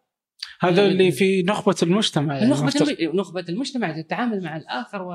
يعني حتى تراهم واللي يربون حتى تراهم بال... بال... في هذا ال- الخطاب العنصري اللي مع الأسف يغزو بعض هيئة التدريس مع الأسف. يعني حتى تلاحظ في نظرة التعالي وعلى الآخر فقط لأنه وافد لأن هذا الوافد ما يرد علي بالطريقة هذه. طيب شنو ما يرد عليك بالطريقة إنسان والحجة بينك وبينه أن الحجة لا هو ولكن للأسف في تعالي فقط لأنه وافد وهذا أمر ماساه صراحة طيب شو الحل؟ شو الحل اللي تشوفه لتخلص من العنصرية؟ أو إذا ما قدرنا نقول إنه نتخلص من العنصرية على الأقل آه، نخليها تنحسر تصير شو الحل الموجود؟ هو هو شوف هو مو حل سحري هو فقط يعني العنصرية قائمة على جهل طبعا وبالتالي كيف؟ محاربة الجهل. آه، أنا أعتقد لن مستحيل تختفي العنصرية، العنصرية باقية لأن الغباء الإنساني غير محدود. وبالتالي هم ينهلون من منهل يعني عمره ما راح يخلص. لكن لكن على الأقل نأمل على الأقل إن يوصل إن نوصل في مجتمعاتنا يعني بشكل عام خاصة في الخليج نوصل للوضع الذي يسمح لنا ب عندما نرى موقفا عنصريا لا يسكت الآخر يعني يعني يعني على طول يدينونها مثل هذا الموقف. نريد أن نصل إلى مرحلة يخجل العنصري من أن يمارس عنصريته علنا. يخجل. في موقف مثلا معين يخجل انه يمارس إذا وصلنا لهذه المرحلة أنا أعتقد هذه مرحلة مقدم متقدمة جدا. لكن للأسف إلى الآن العنصري لا يخجل بل بل بالعكس كثير من الناس يمارسون ممارسات عنصرية لا يعرفون أصلا إنها عنصرية لا يعرفون. وهذه هذه أيضا لذلك دور هذه هذه مشكلة. والله يعني أحس يعني خصوصا إنه ما نقدر نتفق على يمكن تعريف واضح كذا جامع يخلي على الأقل آه إنه الواحد يعرف إنه هل يمارس عنصريه ولا لا. لأني أحيانا حتى ممكن أنا أحس إني ممكن أمارس العنصرية وأنا لا أدري. لا بالضبط. ترى لهذا السبب لأنك اذا, إذا وأنا ما ودي فعلا يعني أتمنى أني ما أستطيع ان أمارس أي تمييز أنا أعتقد هذا هذا صدق مع النفس لأننا نعيش في مجتمعات عنصرية شيء طبيعي. شيء طبيعي جدا أنك تشربت العنصرية آه، يعني بطريقة أو بأخرى إذا مو من البيت من الحي. إذا مو من الحي ربما من المدرسة. إذا مو من المدرسة ربما من أي مكان. بمعنى البيئة بشكل عام أنا أقصد. ما دام البيئة عنصرية إذا أنت تشربت وتسللت لك فيروسات الفيروسات العنصرية. هذا شيء طبيعي. لكن أقصد مهم جدا بعد التعليم وبعد التوعية. نحاول على الأقل نتأمل. هل اللي قمت فيه أمر عنصري؟ إذا عنصري على الأقل خليني مدرك لأنه صاير عنصري. ترى العنصرية يوميا نشوفها في في الشارع. يعني انت واقف في الشارع تشوف العنصرية. أحيانا في عنصرية صامتة. يعني موقف يصير قدامك ما حد تكلم بس عنصري. يعني أعطيك مثال. أه، مثلا أنا تشوفها بالشارع دائما. خاصة الشباب الله يهداهم. ما أدري ليش الشباب اللي أقصد المواطنين. أه، مو كلهم طبعا الحمد لله بس بعضهم يعني. مثلا إذا في دور سيارات دور سيارات. يأتي بالدور ويتوقف عند نقطة. أنت تعرف لماذا توقف عند هالنقطة بالدور؟ يعني يختار السيارة اللي يعرف إنها سيارة لا يمكن أن تكون سيارة مواطن. سيارة واحد ممكن على قد حالها وكذا وربما. خاصة أهل الشاحنات الصغار لأن هذا أكيد إنه وافد. وبالتالي ماذا؟ يدخل ويخطر الدور عند هذه النقطة تحديدا. هذه هذه ماذا؟ هذه عنصرية مبطنة. يعني أنت واضح اخترته تحديدا يعني حتى في خرقك للقانون تميز بين الناس. يعني حتى في الخرق والقانون. وهذا تشوفها يوميا مع الأسف يعني في في في في شوارعنا وغيرها. هل التوعية كافية ولا ممكن انه نجرم آه، العنصرية؟ نجرم؟ مم. أكيد لازم نجرم العنصرية. يعني بس أنا أعتقد هذه مرحلة متقدمة جدا نجرم العنصرية. يعني في طبعا عندنا إحنا خطاب الكراهية قانون لخطاب الكراهية وكذا هذا كلام. يعني تعرف مثل القوانين الأخرى حبر على ورق. آه، لكن لا يمكن للأسف لا يمكن أن تحارب العنصرية كحكومة. وأنت أصلا يعني تحل مواضيع قائمة على العنصرية منها اللي ذكرناه موضوع جهاز المركزي وغيره. أحس أحيانا كثير كذا إنك أشوفك كذا تنظر يعني للأمور بشكل آه إذا ما أخذنا سوداوي. بس مو سوداوي بالضرورة بس يعني ناخذها من الجانب الثاني مو شلون نقولها؟ متشائم يعني؟ متشائم. شكرا شكرا سعد أنا دا هل هذا هو دور المثقف إنه ينظر للأشياء الخطأ ويجلس دائما يدندن عليها ولا على أي أساس أنت تدندن دائما هنا؟ يعني؟ أنا فاهم. أنا أنا عارف إن يعني وأنا قيلت لي أكثر من مرة صراحة. انت انت أنت دائما يعني الوضع وكأنه سوداوي أنت متشائم. وقيلت لغيري أنا واثق انه يعني هو يعني عندما تصف الأمور هو المشهد هكذا. يعني لما تدخل غرفة مظلمة ما معقول واحد يقول لك صف لي الغرفه تقول له والله جميل الغرفة والمكان وهي مظلمة. هل تقول غرفه مظلمة؟ سوداوية وانتهى. يعني أنت تصف ليس ليس لأنك تستمتع بهذا الوصف لأن هذا الحقيقة هذا اللي أمامك هل تراه فبالتالي أنا أعتقد فكرة ان أنا لست وقلتها أكثر من مرة والاكثر من شهر. لست متشائما لكن لا أستعين على اليأس بتفاؤل كاذب. ما ما أقدر أضحك على نفسي وأقول أنا متفائل. وكذا تفاؤل كاذب لست متفائل ولكن هذا لا يعني بالضرورة أني متشائم فقط أصف الأشياء اللي موجودة وأتمنى تغير الوضع. البعض يذهب إلى أبعد من ذلك ويقول لا لا أنت فقط لا تكتفي بالنقد اطرح الحلول. اطرح الحلول. أنا ماني فاهم صراحة شو معنى تطرح الحلول. ليس بيدي سلطة حتى اطرح حلول.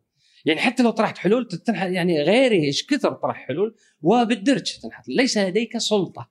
فبالتالي ما دام ليس لديك سلطة من مضيعة الوقت أن تقدم حلول، حلول من؟ حلول لا يقوم بها أفراد، حلول تقوم بها مؤسسات. وليست أفراد. الأفراد زين منهم أن يرون بعض وجوه النقد ويحاولون على الأقل يشيرون إلى مواطن الضعف مواطن الخلل مواطن ولكن ليس من مسؤولية الأفراد أن يأتوا بحلول مسؤولية المؤسسات أن تقوم بحلول يعني. فعلا يعني وعلى الفرد إنه ممكن بس على الأقل إنه يعبر عن رأيه تجاه تلك الحلول. كانت تلك الآراء جيدة أم سيئة. صحيح. على الأجهزة إنها تشوف هل هي جيدة تأخذ بها أو سيئة فتتركها يعني. إذا رأتها طبعا اي صح اي يعني بس. طيب تقول شيء برضو ذكرنا يعني دخلنا في العنصرية. فقلنا فكنت تقول إنه بعضها ممكن تكون تشربتها أخذتها من تربية أهلك أهلك أخذوها من العادي بعدين من الجامعة ممكن في المدرسة وهكذا. أي مكان. فهنا ما ودي أدخل إلى هل التفكير النقدي ما هي يعني هل هنا تكمن أهميته في إنك تقدر تنتقد أفكارك، الأشياء اللي أنت شربتها من المجتمع ومن ثم هذا اللي نقصده بالساعة لأن لما طرحت موضوع إن كيف على مستوى الاكاديمي يقعون ناس كثر مع الأسف في فخ العنصرية وفخ التعالي على أخواننا الوافدين وفخ ال... أنا أعتقد مثل هذه الأمور لماذا؟ لأني حتى قلت لك كيف في كيف بواحد مثلا يعني درس مراحل متقدمة يعني بالماجستير والدكتوراه وصلت أنت مرحلة قادر على نقد قادر على إنك تبني حجة قادر ان تعرف مواطن الحجه فيها خلل وينها بالضبط يعني عندك ال skills ها المهارات الموجودة مثل مهارات التفكير النقدي. لا يمكن تخلص بي تخلص مثلا دكتوراه وماجستير وأنت ما تعرف أساسيات التفكير النقدي. لأن الماجستير ما هو الدكتوراه ما هو. تبني تبني حجج يعني للدفاع عن رأيك أو الدفاع عن رأي غيرك أو لنقد يعني ما يقوله غيرك. يعني في يعني في دائما حجاج عقلي. للأسف هذا يعني هذا اللي يقصد اللي يفتقر يعني هذا اللي يدهش يثير الدهشة حقيقة إنك تنتهي إلى أن أن تصل لمرحلة متقدمة من حيث التعليم. وإذا بك لا يعني لا ليست منسجمة هذه المرحلة مع ممارستك العنصرية. العنصرية تسقط تسقط أمام أي اختبار مبدئي بالتفكير النقدي فقط. فكرة التمييز يعني. تمييز على ماذا؟ لماذا تعتقد أنك أنت أفضل من الآخر؟ لا يستطيع العنصري ترى أن يجيب يعني.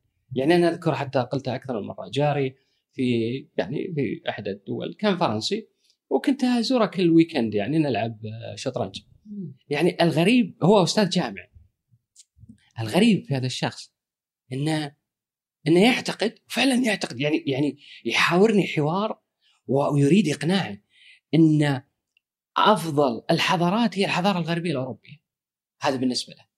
على على كل الحضارات الأخرى الحضارة الغربية. ممتاز. طيب آه الأمر الآخر. يريد أن يقنعني إن الشعب الفرنسي هو أرقى شعوب أوروبا الشعب الفرنسي. ثم يريد أن يقنعني ثالثا بأن إقليم الألزاس الموجود في فرنسا وجزء منه في ألمانيا هو أفضل الأقاليم من الناحيه الطبيعيه ومن الناحيه التاريخيه الثقافيه. طيب أنا سؤال بس بسيط. هل هي مصادفه إن هذا الشخص جاري أوروبي فرنسي ألزاسي يعني لو غيرت احداثيات وخليتها في بلد آخر هل راح يغير قناعات العنصرية على حسب تغير احداثيات الجغرافية مثلا؟ مثلا يصير يدافع عن شنغهاي مثلا لأنه ولد في شنغهاي يعني العنصري واضح أصلا ابتداء إنه غير موضوعي هو يدافع عن شيء هو أصلا غير مسؤول عنه غير مسؤول.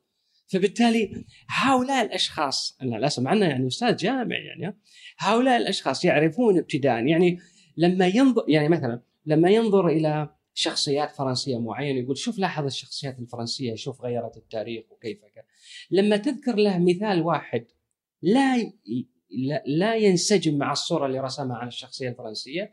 يقول لك لا هذا صحيح بس هذا استثناء. يعني أي شيء تأتي فيه هو است... هذه اللي اللا عقلانية اللي أنا اقصدها إن لا يمكن أن تقنع العنصري بأن لا عقلاني. ان اللا عقلاني لا يرى أصلا إن لا عقلاني. آه، كلهم يشوفون نعم. بالعقل حتى لما يقول لك أو بالعقل هذه تبدأ تصير مشكلة. بالضبط. طيب بس أنت كيف تتعامل مع العنصري يعني؟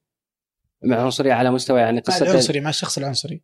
أنا أعتقد آه، آه، هو هو إلى الآن حقيقة يعني ما صار في نقاش حاد مع عنصري. دائما يعني هذا النقاش اللي يعني يمكن مع الجار كان نقاش جدا كان هادئ. ما كان في نقاش حاد مع اي عنصري. لكن آه، أنا أعتقد أن العنصر يجب أن لا يستفزنا. يجب أن نحن نستفز العنصر. يعني يعني يعني العنصر لا يستفزك. يعني إذا كان إذا كان هو قائم على يعني للأسف على يعني على لا يعني على عدم اتساق على على أمور مع الأسف كثيرة يعني غير عقلانية هذا لا يستفزك هذا يعني تترفع عن مثل هذا الكلام. ولكن يجب انت انت تستفز العنصري متى تستفز العنصري لا تقضي عليه بأنك تدافع أو تدافع عن رأيك أيضا ب. ومع الأسف تخطئ بنفس خطأ وتكون عنصري نفسه يعني للأسف بعض اللي يردون على العنصريين يصيرون عنصريين نفسه يعني مثلا سب مثلا الكويت مثلا وكذا والكويتي كذا أروح أسب الجنسيه انت الآن أخطأتم كلكم الان شربتم من الكاس نفسه وبالتالي خلاص انتهت سالفة حجة إن مهما تقول على الآخر راح يترتب عليه. آه مثلا آه يعني يحاولون بعضهم إنه يعني فئوية اللي صار بالمجتمع مثلا بحضر وبدو مثلا إن كذا الحضر اذا أصير قبلي حتى أقاوم الفئوية لا تعالج بالفئوية يجب أن تسمو فوق الفئويه، كيف تسمو فوق الفئويه؟ بالخطاب الجامع، الخطاب الجامع بين الآخرين، بمفهوم المواطنة، بمفهوم أن كلنا سواسيه المفروض المفروض أمام القانون، بأن حقوقنا وواجباتنا يجب أن تكون واحدة، بأن يجب أن تكون هناك عدالة اجتماعية. فإذا فكرت بهذه الطريقة لا تنظر للآخرين لا بتعالي ولا تنظرهم سواسيه، نحن كلنا سواسيه. ما يهمني من أصلك شنو ومنين آتي ومن كذا، يهمني فقط أنك إنسان في هذه الأرض مواطن لك حقوق وواجبات وبالتالي يجب ان نتعامل على هذا المبدأ. ولا نتعامل على مبدأ أنت من من أي عائلة أو قبيلة أو أو أو, أو يعني شريحة اجتماعية. هذا هذا خطاب مع الأسف مفكك خطاب عنصري.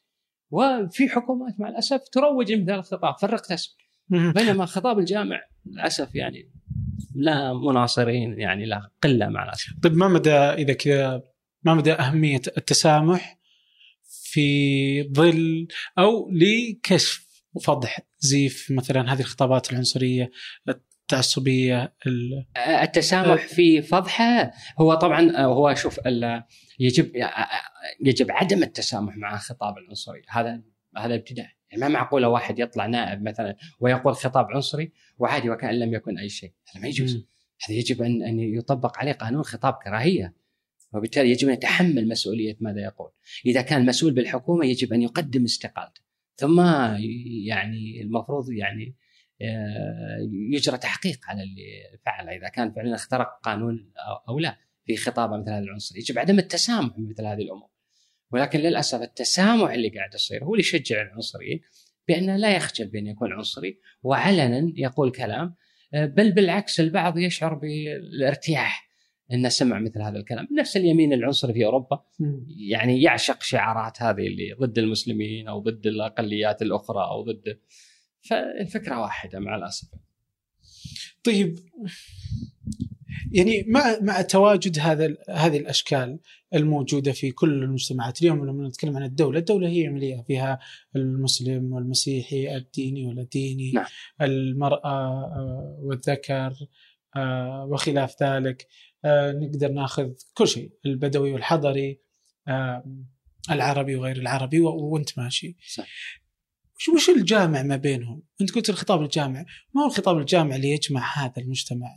والله خطاب الجامعة انت الآن لديك دولة على أساس نفرض نفرض طبعا ليست ليست موجودة الآن في منطقتنا ولكن أقصد منطقة الخليج ولكن نفرض دولة قائمة على فكرة مجتمع مدني بمعنى أن هناك شيء اسمه المواطنة آه، المواطنة ما هي؟ رابط هي أحيانا يعني تعبر عنها الجنسية. رابط يربطك مع دولة رابط بين فرد ودولة. هذا الرابط قائم على فكرة حقوق وواجبات حقوق وواجبات. حقوق تجاه الآخر حقوق لك وواجبات تجاه الآخرين. هذا فبالتالي إذا محاولة مساواة من هذه المسطرة تكون واحدة من الحقوق والواجبات وبالتالي ليس معيار من ضمن المعايير أصلك منه أو من وين آتي أو ما؟ يعني أنا دائما أشبهها بالمجتمع المدني مثل الغابة بس الغابة المسالمة الوحيدة. يعني أي غابة في العالم الحيوانات تتقاتل فيها. لكن الإنسان يعني يعني المفروض يرقى وأن يخلق غابة فعلا المفروض ما يتصارع فيها كصراع العنف الفيزيائي وإنما يحل خلافاته لأن عنده إمكانية الآخرين الفصائل الأخرى ما عندها. اللغة نستطيع أن يعني نتحاور فبالتالي لدينا فرصة أن نتحاور ونتعايش مع بعضنا البعض بسلمية وبعدالة ليست فقط بسلمية وبعدالة اجتماعية. إذا حاولنا على الأقل تحقيق مثل هذا أنا أدري أن الأمر صعب ولكن على الأقل أن تكون هناك محاولات جادة لوصول لمثل على الأقل يكون هناك برنامج للوصول مثل هذا الأمر. وبالتالي لا يهم من أين أصلك وفصلك ومن وين ما. لكن للأسف اللي قاعد يصير لا استخدام هذه ال... يعني الاختلاف لا يحتفى به وانما يستثمر. أستثمر بالخلاف اللي بيني وبينك حتى أحصل على مصالحي وأضرب مصالحي. هذا للأسف هو اللي قاعد يصير يعني. في عام 2016 أعلنت السعودية عن رؤية 2030 رؤية المملكة العربية السعودية 2030 رؤية طموحة وشاملة. غطت تفاصيل حياتنا اليومية من خلال برامج الإسكان وجودة الحياة والتحول الرقمي وامتدت لتشمل نمو وتنويع الاقتصاد عبر برامج صندوق الاستثمارات العامة وتطوير الصناعة والخدمات اللوجستية وغيرها. اليوم وبعد أربع سنوات من هالرحلة المثيرة يتبادر لأذهاننا عشرات الأسئلة عن مستهدفات وبرامج ومؤشرات الرؤية. وفي بودكاست سقراط أنا عمر الجريسي استضيف قادة التحول وأحاورهم. حدثنا وش أهم الأشياء اللي تحققت؟ المحور الأهم اللي هو محور ماذا حققت؟ وش حققته ماذا حققت أبو خالد؟ وش أهم الأرقام؟ لتوثيق رحلتنا نحو أهداف رؤية السعودية 2030 وتأكد إني أنا ما جيت. هدف أنا أعتقد. حققنا أعتقد إنجاز كبير. في 2019 كنا الدولة الدولة الأولى في العالم. كل يوم ثلاثاء حلقة جديدة مع قائد مختلف وحكاية مثيرة. ابحث عن سقراط في أي تطبيق بودكاست تستخدم.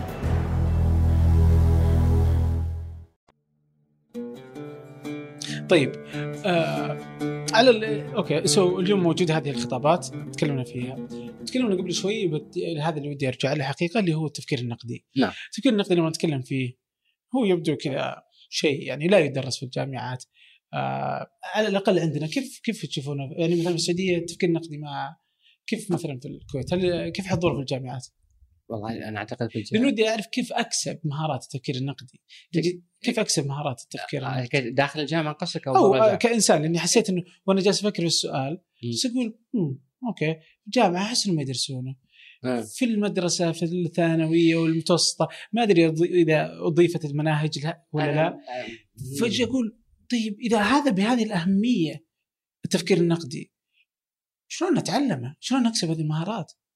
هو هو أنا أعتقد المرحلة الحالية ربما أفضل من مراحل سابقة.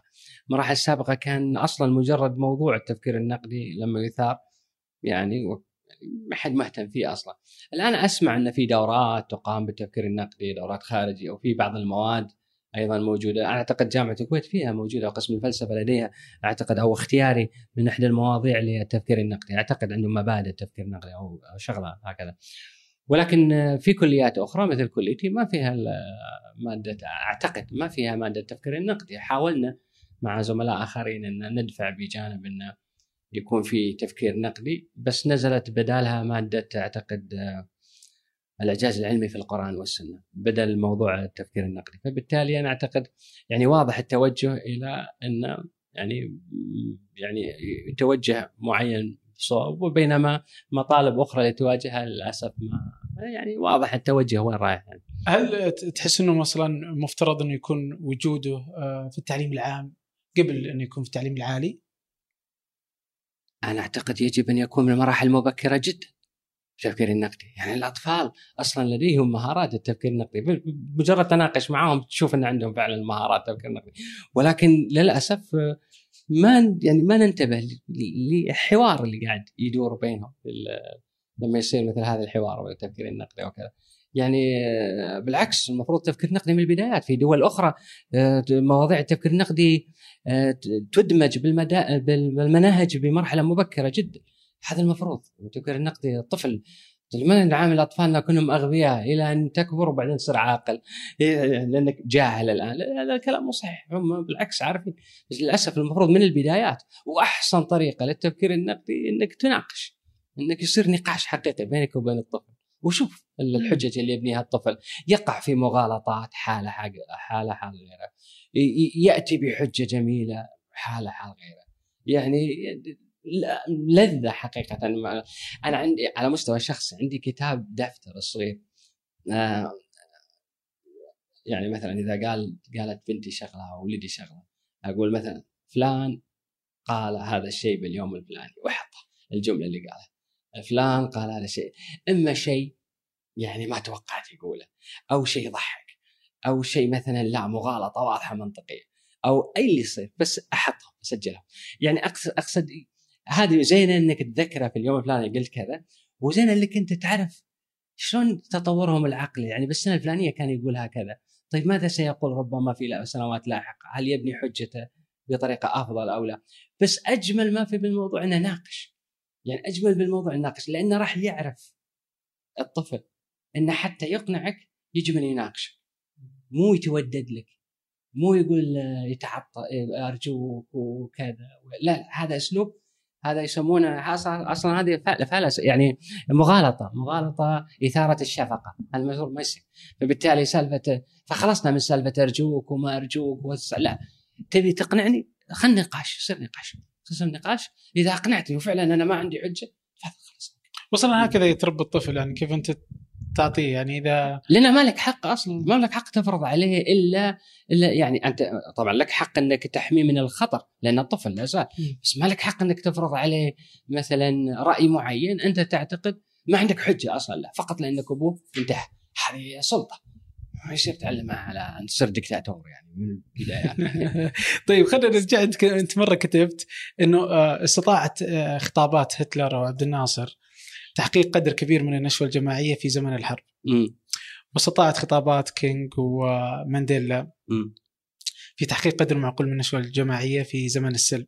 لكن مهما بلغت صدقية الخطاب السياسي يظل التفكير النقدي أبرز ضحايا النشوة الجماعية فعندما تنتشر النفوس تغيب العقول. تغيب العقول صح. أنا أعتقد عندما تنتشر النفوس تغيب العقول وهذه ترى على فكرة أعتقد جاءت في فترة كان فيها المجلس الأمة قوي جدا لدينا. أعتقد جاء هذا المقال في تلك الفترة. وكانت الخطابات خطابات يعني يعني فيها السقف مرتفع. ولاحظت وكما لاحظ غيري الكثير أنا واثق أن الشخص الذي يندفع بالخطاب ثم يحصل على التصفيق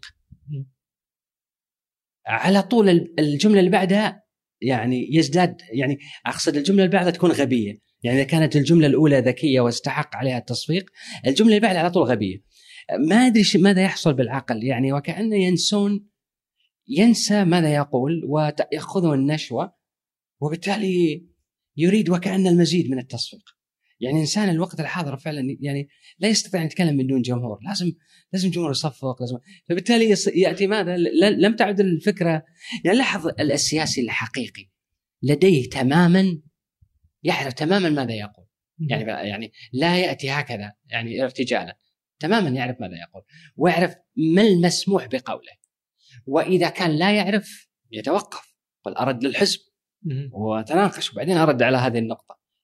للأسف لدينا نواب اساله في مكان حتى بديوانية. اللي اللي براسه في اللحظة ذيك يقولها لك عادي ما عنده مشكلة. بدون رجوع طبعا لقواعد انتخابية بدون اللي يصير عادي. فبالتالي أنا أعتقد مثل هذا النوع يعني لا يمكن يكون يعرف ماذا معناته. يعني خليك من سالفة الآن التفكير النقدي الانضباط الحزبي الانضباط ال...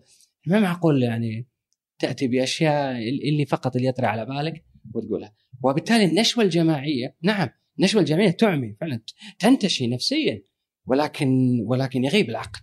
لأن العقل يريد البروده النشوة الجماعية حارة جدا فيها تصفيق فيها بينما العقل لا لا ما يهمه برود كل برود يحاول أن يعني يجيب على يعني أي حجة أمامه أو يحاول. يعني أنا ما شفت أحد منتشي يقول لا أدري ربما أجيبك بعدين أو مو ليس لهذه الدرجة أو حتى يستخدم الألفاظ مثل لعل ربما. المنتشين دائما قاطعين في كلامهم دائما نعم هذا اللي صحيح. وسقف التهديد عندهم مرتفع جدا. غير مسؤول طبعا يعني ممكن يقول لك خلال كذا كذا ساعة إذا ما صار اذا اذا أنا سوف أقوم بك. طبعا تمر الساعات وما صار شيء وعادي ما في مشكلة. بس هي في عاش النشوة وبالتالي راحت. ضاعت السكرة وبالتالي ساعة الواسع. طيب آه طيب على كذا برضو يعني مثلا قبل أسابيع مثلا انتشرت مثلا على الشبكات الاجتماعية آه اللي هي آه إنه الناس يغيرون صورهم إلى مثلا آه زرقاء تصبح صورهم رمزيه باللون الأزرق تضامنا مع الشعب السوداني. نعم. في الوقت نفسه يجيك ناس يجي يقول لك يعني ماذا تفعل الصورة الزرقاء اللي أنت ضعها في هذا؟ أنت لا شيء أمام قضية. أنه هذا الفعل بسيط جدا قضية أكبر من كذا. والله أنا ما سمعت عن هذه أنا شفته طبعا التضامن اللي صار جميل. بس أنا ما شفت أحد يعني ما ما كنت أدري يعني إن أحد اعترض على فكرة انه ليش حاط مثلا اللون الأزرق؟ انه بالنهاية ما راح تسوي شيء. لا لأنه كيف ستؤثر أصلا أنت كفرد بهذا التضامن البسيط الهزيل يعني؟ ممكن تاثر بأي وقت ترى دائما أي تضامن مهما كان قليل يبقى أثره يعني نفسي على الأقل. يعني تخيل لو واحد مثلا من من الناس يعني اللي يعانون في السودان. ومثلا حصل له في دقائق معدودة يشوف الإنترنت. واذا يكتشف إن اللون الأزرق هذا كله تضامنا معه معاه مثلا في هذا المحور أنا أعتقد السبب يعني على الأقل يجلب له فكرة إنه لست وحدي. إنني لست لسنا منسيين هنا في في في هذا الركن من الأرض. في ناس شعوب أخرى متضامنة معنا. يعني هذا بحد ذاته مهم نفسيا لإعطائهم جرعة من الصبر ومن محاولة يعني الثبات على على موقف. كيف ما يفعل أنا ما أعرف يعني هل يعتقد إن إذا تحط أزرق انحلت القضية السودانيه مثلا لا أكيد هذا سذاجه حتى اللي يحطون الأزرق ليس في بالهم مثل هذه الفكرة. ولكن فكرة التضامن مهمة جدا. يعني تتضامن مع دائما المهمش مع الضعيف مع المظلوم مع تضامن لماذا لماذا لماذا تطالب من المتضامن أن لا يكون متضامنا حتى يكون يتضامن ويحل القضية وإلا اذا لا تتضامن. هذا صراحة يعني تحط ال standards عالي على أمور يعني أتمنى في أماكن أخرى نفس ال standards بعد يعني مو إي لأنه برضه هذا مدخل على ثاني على النقطة الثانية اللي هي نفس الشيء. يعني ممكن يرتفع إلى أنه أكثر من مجرد صورة رمزية فتجي مثلا المقاطعة فمثلا عندنا المقاطعة للكيان الصهيوني نعم أوكي فلما نجي يجي يقول لك خلاص يعني إيش الفائده؟ إيش الفائده من المقاطعة؟ فائده من من؟ من, من المقاطعة خلاص يعني خلينا خلينا نخلص الموضوع نتعامل معهم ونشوف حلول يعني حل. إلى متى؟ أو نعم يعني أنت تقصد الموضوع انه أنا يعني وأنا فرد يعني ما داخل إيش ممكن أسوي آه. أصلا إذا كل ال... اي لا هو هو شوف هو هو مو طبعا مو أفراد هي الفكرة إنه ليس فردا هو اللي قاعد يقوم بالمقاطعة هي دائما هي عمليات يعني أنت تدخل ضمن يعني مجاميع مدنية نشطاء سياسيين أحزاب تدعو للمقاطعة وهذا أمر مفهوم تماما طبعا المقاطعة ليست يعني أنت تقصد مع المقاطعة مع إسرائيل والتطبيع وموضوع التطبيع صحيح إيه. هو المقاطعة نفسها ليست يعني يعني أنا واثق إن في بعضهم يفهمون المقاطعة وكأنها يعني من منظور عاطفي. هو يقاطع لأن لا يريد أن أن يتعامل بأي شكل من الأشكال مع هذا الكيان المغتصب. هذا الخطاب أنا أعتقد وأنا قلته في إحدى الندوات يعني يعني لما قيل عن الكويت إن المفروض إن آخر من تطبع قلت أتمنى أن يكون لن نطبع ما بقينا أحيانا أرجو أن يفهم من هذا الكلام. مو إن المقاطعة مبدئية وبالتالي يجب أن تظل طول الحياة أنت مقاطع، لا مو هذا اللي أقصده. طول الحياة مقاطع ما دام الوضع بهذه الصورة. الوضع اللي قاعد يصير بهذه الصورة هي مقاطع. تتعامل مع شخص قاعد يأكل من كل كل كل كل حقوقك ويتوسع على حسابك و ويقتل ويسلب و وتريد أن تطبع أيضا. يعني هذه هذه يعني ماساه اللي قاعدة تصير الآن مع الأسف. فبالتالي المقاطعة ليست ليست آم، مقاطعة فقط ل والله أريح نفسي نفسيا. اني أنا أقاطع وخلاص مرتاح إني مقاطع. لا لا لا ابدا. من يقول ذلك؟ يا أخي حتى في في الجانب ال- الموضوع الإسرائيلي وموضوع الفلسطيني يعني التطبيع التطبيع يعني حتى الآخرين يعني يطرحون بعض الحجج إنه إن ماذا حصلنا من المقاطعة؟ لا لا مو صحيح ماذا حصل من المقاطعة، التطبيع قائم أصلا أول من طبع ال United Nation، أول من طبع مع إسرائيل على فكرة، يعني 49 اعترفوا في إسرائيل، خلاص انتهى 49 إسرائيل دخلت. اعترفوا برئيس وزرائها، اعترفوا برئيسها، اعترفوا فيها كدولة. 49 يعني العالم ها يونايتد نيشن اعترف في إسرائيل، يعني هذه أول خذلان للناس للأرض لل- لأن بالنهاية إسرائيل ما هي إسرائيل. آه، طبعا التطبيع جاء سلسلة التطبيعات جاءت بعدها. يعني دولة دولة وطبعا أنور السادات نعرف وبعدها الأردن دخلت على الخط وبعدها يعني دخلت أكثر من آه، إلى منظمة التحرير نفسها أصلا يعني. فأقصد الموضوع شائك وليس موضوع بس أريد أن أقاطع وانتهى. مو ليس هكذا. هو الحلول اللي كانت موجودة مع الأسف حلول إسرائيل نفسها لا تحترم يعني إسرائيل تتوسع ولا تريد أحد أن يناقشها في هذا التوسع وتغتصب أراضي وفي نفس الوقت تريد تفاوض على السلام، سلام على ماذا؟ إذا أنت تتوسع على حساب يعني أعطيك مثال واحد من أهم الاتفاقيات اللي دارت حتى في اتفاقيات اتفاقية أوسلو الأولى أو الثانية 93 و95 اتفاقية أوسلو 93 شنو ما هي؟ يقول لك يجب اعتراف إسرائيل بالسلطه الفلسطينيه بسلطتها على ماذا؟ على المنطقة اللي هي تحكمها اراضي معروفة في الضفة. ممتاز. حتى هذه كانت تنتهك اسرائيل استيطان. لزياده استيطان. ومحاولة اغتصاب يعني يعني كيف تحترم كيان مثل هذا؟ يغتصب الأرض بهذه بهذه الطريقة. إسرائيل لم تقم آه لم تقم هكذا. والله الناس يعتقدون آه والله بريطانيا تخلت عن الأرض واعطتها إسرائيل لأنه يريدون اسرائيل تخطيط إسرائيل أو لقيام دولة إسرائيل بدأ بتخطيط منظم ها من 1897 لاحظ قبل كم سنة؟ 1897 ثيودور طبعا هرزل هرزل كان في مؤتمر كان المفروض المؤتمر على فكرة يكون مؤتمر الصهيونية العالمي هذا كان المفروض المؤتمر يصير في في ميونخ في ميونخ. رفضوا طبعا بعض الصهاينة وبعض الإسرائيليين يعني أو بالاحرى الاسرائيليين بعض اليهود رفضوا الفكرة تماما. إنه يكون في إنه يكون في دولة لإسرائيل كاسرائيل يعني. آه لذلك ترى انتقل المؤتمر من ميونخ إلى بازل بازل في سويسرا. انتقل صار مؤتمر بازل اللي هو مؤتمر 1897 نتكلم عنه هذا المؤتمر اللي سمي فيما بعد برنامج بازل أول أول آه هدف له إقامة دولة موطن لليهود. وين؟ في فلسطين. يعني تحديدا في فلسطين يعني اسم فلسطين. طيب آه بعدها طبعا غيرها دعم مالي إنشاء بنك لدعم مثل هذا الموضوع وكذا. المفارقة وين صايرة؟ إن هرتزل في مذكراته آه كتب إن اليوم يقصد في المؤتمر من المؤتمر الصهيوني اليوم أعتقد أن تم فعلا تأسيس دولة إسرائيل. هو يقول هذا الكلام في مذكراته. أنا يتابع كلامه يقول أن لو قرأ آخرون كلامي هذا سوف يضحكون. ولكن سوف تقرؤونه بعد سنة أو ربما على الأكثر بعد خمسين سنة.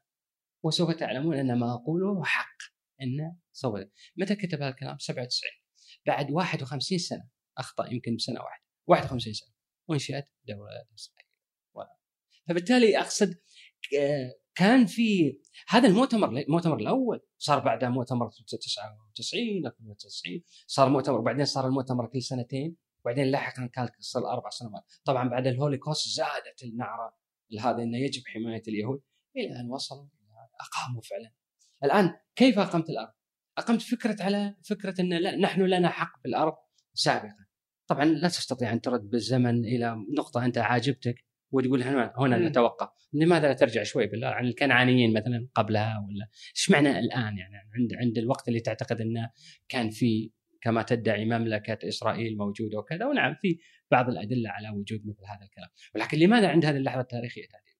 ثم من بأي حق بأي حق تأتي إلى فكرة تاريخية وفجأة تغتصب أرض موجودة الآن لدولة أخرى وتقول هذه الأرض أرضي انتهى يعني تخيل الآن لو نجتمع نحن كمسلمين وأي دولة إسلامية وتقول آه، اشتقنا للأندلس صراحة. إسبانيا ما لها حق الآن في الأندلس. خلاص راح نأخذ الأندلس. انتهى. راح وقمنا كيان وسميناه أندلسية اللي يصير الأندلس في جنوب إسبانيا. آه، الأمم المتحدة ثاني يوم تعطيك حق وتقول لك نعم أنت دولة بس هذا اللي بالضبط اللي حدث مع إسرائيل. اعترفت الأمم المتحدة بعدها بأشهر أعتقد بمايو. مايو 11 مايو.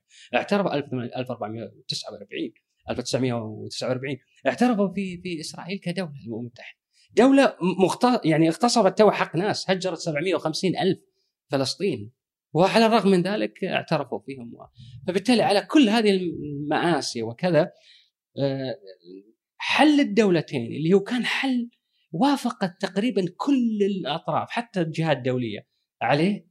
إسرائيل حقيقه هي التي لا توافق عليه وبالتالي يأتي الآن الوضع ولا يراد حتى حل الدولتين يراد فقط حل أن ليس هناك فلسطين أو مجرد محمية آه، تابعة للدول المجاورة أردن مصر وطبعا تحت إشراف إسرائيل. مع الأسف هذا اللي يخطط له الآن للاسف. آه مزعج جدا. آه لكن آه في, في ندوة المقاطعة الثقافية وحرية التعبير والنشر. آه في الكويت من تنظيم طبعا بي دي اس نعم آه قلت إنه أهمية أن تقوم الشعوب بالمقاطعة الثقافية للاحتلال الإسرائيلي سواء طبعت الدول العربية أم لا فيجب الا تتخاذل الشعوب. إذا كان للبيت الأبيض مدخل على الأنظمة. ليس للبيت الأبيض مدخل على الشعوب إن كانت إن. كانت شعوب. مم. آه هذا التطبيع الثقافي هو المقاطعة الثقافية. كيف ممكن نرسمها بشكل جيد؟ يعني في ظل إنه مثلا اليوم اليوم مثلا اليوم نقدر نشوف بعض ال بعض ال المشاكل حيال فهمه. مثلا آه، بتذكر آه، الأسبوع الماضي اللي صار اللي مع الفنان آه، حمزة نمرة. يرام الله. راح وهو فنان معروف بمواقفه الشريفة تجاه القضية. الا انه يعني راح سأل المنظمة فقالوا له لا هذا مو تطبيع ثقافي مم. هو راح آه، راح رام الله راح رام الله إيه. مم. فقالوا له إنه كذا ونشرت الحركة برضه بيان نفس الكلام إنه هذا مو تطبيع مم. لكن بعد ما سووا ال- ال- الحفلة آه، أنكروا عليه وصار عليه هجوم وزي كذا يعني بحكم إنه إنه طبع. فتجي هنا هل هذا كان تطبيع أم لا؟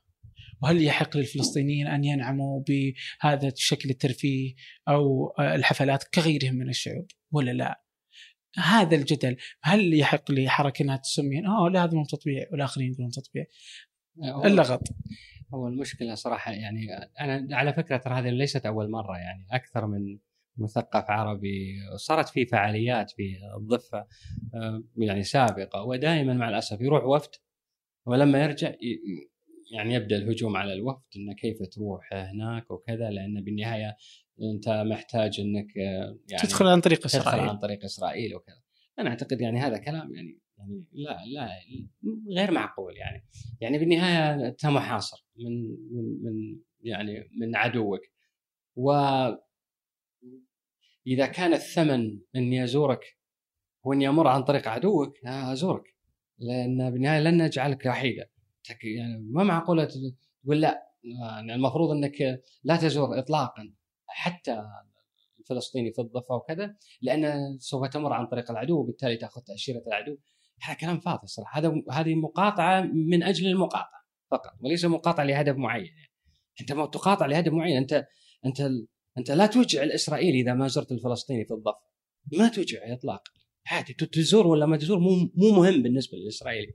بس مهم بالنسبة لي. مهم بالنسبة لي ازور الفلسطيني واشعره انه ليس وحيدا وأني معه وأنكم لستم معزولين تماما عن هذا العالم وان وأن سواء الفلسطيني في في الضفة ونتمنى أيضا نفس الحق لإخواننا في غزة. ما معقول يحسون أنهم تماما منعزلين عن العالم ولا يستطيع أحد حتى زيارتهم وهذا اللي تفعله إسرائيل في عزلهم وبالتالي بالنسبة لإسرائيل أتيت أم لم تأتي مو فارقة معه تحط الختم وتمشي هذا إذا سمحت لك مع الأسف لكن أن يأتي أحد ويقول لا هذا تطبيع مع إسرائيل تطبيع ماذا؟ أو أو أو تطبيع غير مباشر تطبيع ماذا؟ تطبيع ثقافي يعني المقا... طيب ما هو العكس المقاطعة؟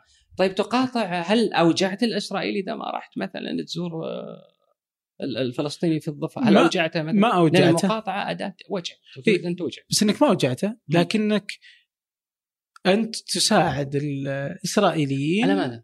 على أنه يبينون صورة يعني كذا يشيلون حقيقة أو لا يبان إنهم يعني عندهم هذا التسامح وعندهم هذه فيلمعون صورتهم القذرة لا يعني. لا لا أب- ابدا ما عندهم تسامح أو لا. ولأنه هم- عجبتهم الحين هذه حركة تعجب الإسرائيليين ويسمحون فيها. في دخول فنانين مؤخرا. ممتاز ممتاز. قد- يربحون بهذا الجانب. لكن آه، لما أنت يجب أيضا توازن بين هم يربحون ربما منها جانب اعلاميا ولكن نحن أيضا آه، لنا حاجة في ان نصل للفلسطيني داخل الأرض الفلسطينية. وتقام عنده مؤسسات ثقافية أمر طبيعي. آه، أيضا في المقابل منعوا أشخاص كبار مثقفين من الدخول أثاروها آه، اعلاميا، الاسرائيليين حاولوا يطمطمونها اعلاميا. آه، أكثر من نوم تشومسكي نفسه، يعني تشومسكي حاول الدخول ومنعوه السلطات محاضره. آه، منع من الدخول. تشومسكي أفهمه بس مثلا أنت لو قالوا لك تعال في اللي منعوه. الاسرائيليين على فكرة مو الفلسطينيين. آه أدري أدري. أدري بس إنه منطق أمريكي بيجي يعني عادي بس إنه لا إنه مو يجي عادي لا لا بس إنه يجي كويتي أوه الآن تكسب إسرائيل إنه شوف الكويتيين بدأوا يدخلون من عندنا عادي مو السعوديين من عندنا يدخلون. ما في طريق إلا من عنده. إيه؟ يعني بالتالي هي السالفة ما ليس ليس سواء الكويتي أو السعودي أو أي واحد أحس انه هو الفرق يعني إذا أراد أن يذهب ليس لديه خيار إلا هذا صحيح حتى على فكرة مو بس كل العالم ها؟ كل العالم. نوم تشومسكي لما راح اضطر ان يدخل عن طريق آه، إسرائيل. يعني الفلسطيني لا يستطيع الدخول الا عن طريق إسرائيل يعني. هو فلسطيني. وبالتالي لكن اليوم لو مثلا عندك ندوة ممكن تقيمها مثلا لو طلبوك؟ لو طلبنا أنا ما عندي مشكلة عندك اطلاقا مشكلة؟ اطلاقا ما عندي مشكلة. على فكرة أنا بس انت عاجز الروحه بس مو أكثر من كذي. أنا دائما تجي أتعاجز بس مو ابدا ابدا لو كنت لو شعرت لي لحظة إنها مهمة الروحه أروح فعلا أروح. تضامنا معهم. وابدا المقاطعة ليست مقاطعة آه، في ذاتها. إني أريد أن أقاطع فقط أنت تقاطع تريد أن توجه على فكرة أنت ما تعادي اليهودي كانسان هذه مهمة ابدا ابدا الخطاب ال- الأيديولوجي القديم وحرقهم وقتلهم وإلقائهم بالبحر وهذا الكلام الخطاب العاطفي القوي. هذا لم يعد هذا بالعكس ضر أكثر من نفع لأن تترجم شركات مثل شركات ميمري وغيرها وتجعلها في الفضاء. العام وتقول انظر كم هم إرهابيين يريدون. مع أن الاسرائيل مع أن مع الأسف الجيش الإسرائيلي هو اللي يمارس الإرهاب. ولكن للأسف آه، يأتيك خطاب آخر أيديولوجي رجعي وغير متزن وينظر ينظر بوحشية للآخر اللي أمامه. آه، ليس ليس هذا الخطاب هو الوحيد المقاوم على فكرة، هناك خطاب عقلاني أيضا مقاوم. لا يجوز مصادرة حق الآخرين بأنهم أيضا يقاومون بالطريقة الذي يعتقدون انها صحيحه. وفي اختلاف بين الناس كيف تقاوم، هذا أمر طبيعي. طب إنك تروح تصلي في في القدس في الأقصى تحسه عادي؟ لو شلون آه، إني أروح أصلي في الاقصى تبي تروح تصلي بال- بالأقصى؟ آه، مو عادي مو بتطبيع مثلا برضو يا رجل الفلسطينيين عايشين بالعرب لا، لا، 48 أنت- عايشين في كخارج اللي داخل داخل كمو كمواطن يعني. قصدك كمواطن كويتي كمواطن كفرد ترى. ما تفرق كفرد مم. رايح أنت كفرد تريد أن تزور لنفرض افتراضا وبتزور ال- المسجد. بس بصلي عادي تبقى لأنك أنت بالنسبة لك هذه الأرض تبقى أرض عربية ورايح أنت ما عندك مشكلة. الآن محتلة نعم محتلة شو تسوي؟ بس إن الفكرة ليس رايح أنا أريد أنا أنت متى تقاطع؟ تقاطع لما تحمل هوية بلد وتتعاون مع هوية بلد آخر، مثلا مقاطعة الثقافيه اللي أنت أشرت لها، مقاطعة أكاديمية، مثلا ابى أسوي بحث وطلع ان الواحد المتخصص فيه واحد أكاديمي إسرائيلي. انت ما أنت مجبر تسوي معه لأنه يحمل هوية الآن محتل وأنت بحاجة لتسوي بحث. صحيح أنا لست مجبرا إني أسوي معه البحث. أبحث عن شخص آخر حتى أتجنب فكرة إني اعطيه انطباع إنه وكانه عادل العلاقات الأكاديمية بينه وبين بعض، إن أنت تريد أن تبين أن نحن نقاطعكم حتى من الناحية الثقافية الأكاديمية لأداة، لكن أنا لست ضد الأكاديمي الإسرائيلي كإنسان، لست ضده، ولست ضده كأكاديمي محترم اطلاقا لست ضده، بل بالعكس في اكاديميين ضد هذا الامتداد الإسرائيلي وانتهاك لحقوق الإنسان ضده، لكن أنا ضد الأكاديمي الذي يعرف الحقيقة ويسكت، الأكاديمي الذي يقف مع حكومته ضد الآخرين، يجب أيضا أن تفرق بين المواقف، المقاطعة في ذاتها ليست آه، يعني في ذاتها هي مقاطعة آم، يعني آه، تراد في ذاتها وإنما هي مقاطعة أداة لشيء معين، شوف حركة مقاطعه العربية. ممتاز. يركزون على شغلات معينة خاصة الشركات، الشركات الاقتصادية وكذا مقاطعة بضائع، مقاطعة. لإيجاع الخصم بفوتوا فرص كبيرة بالمل, بالمل يعني ملايين من شركات إسرائيلية ما استطاعت أن تأخذها بسبب الضغط. وأيضا أكاديميين إسرائيليين لم يحصلوا على وظائف في الغرب باسباب هذه لأنهم كانوا متواطئين مع حكومة اسرائيل مو أي اكاديمي يعني حتى المقاطعه هذه المقاطعه حركة مقاطعه لم تكن ضد الإس... كل أكاديمي إسرائيلي وإنما كل أكاديمي إسرائيلي وقف مع أعداء المحتوى ولم يعلن صراحة عن لذلك يجب أن توجع خصمك وليس توجع الإنسان توجع خصمك من حيث يعني آه، تؤثر فيه وأيضا تسلط الضوء. على معاناة الفلسطيني دون شك أن الحديث عن إسرائيل ليس عن الشخص الإسرائيلي بالدرجة الأولى. ابدا ولا ولا عن اليهودي وإنما عن آه، هذا ال- الكيان. الكامل يعني. بس بس هي طبعا تبقى يعني إنه آه، تحديات يعني وفهمها يبقى برضو آه، صعب. يعني ما مدى إنه تقدر تروح ما تقدر تق- تبقى هل هذا جيد أو لا.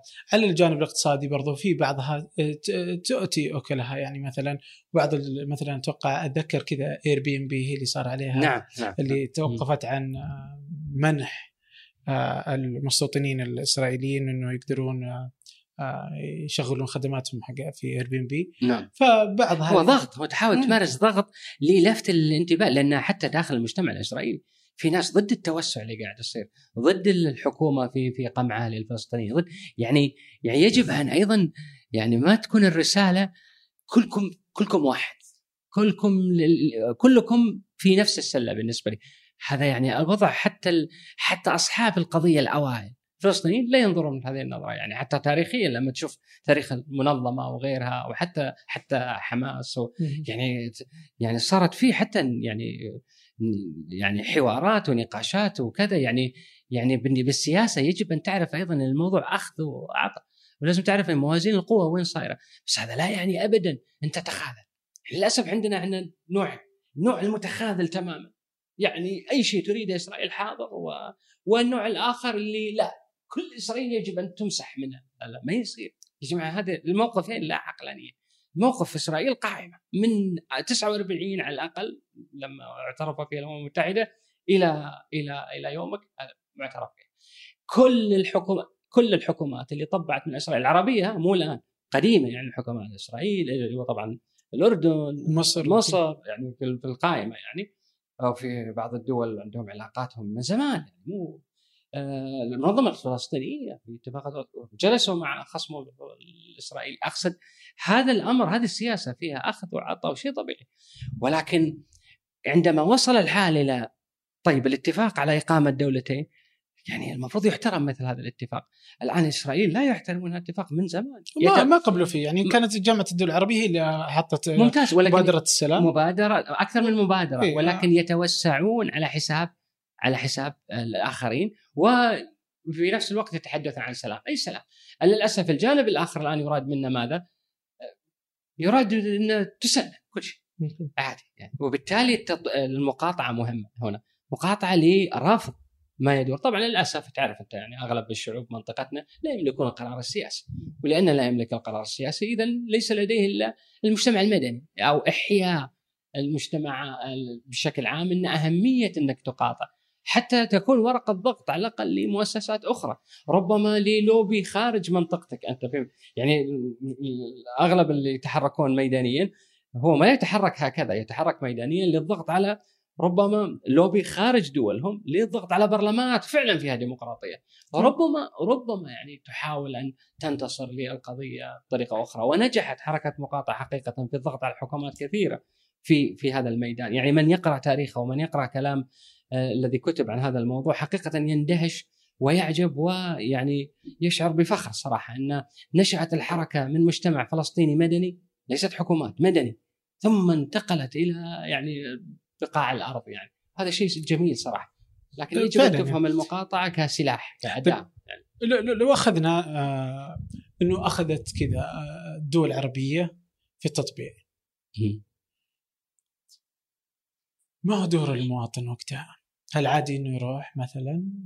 أو شوف أنا أرجوك إحنا لا يعني لا نختزل العملية كلها بان واحد طاق تذكرته بيروح لاسرائيل هي مو هكذا يعني إن شاء الله اللي بيروح المريخ كيف يروح يرد مو هذه الفكرة. أنا اللي أقصد إنه يجب أن تكون المقاطعة مؤسساتية.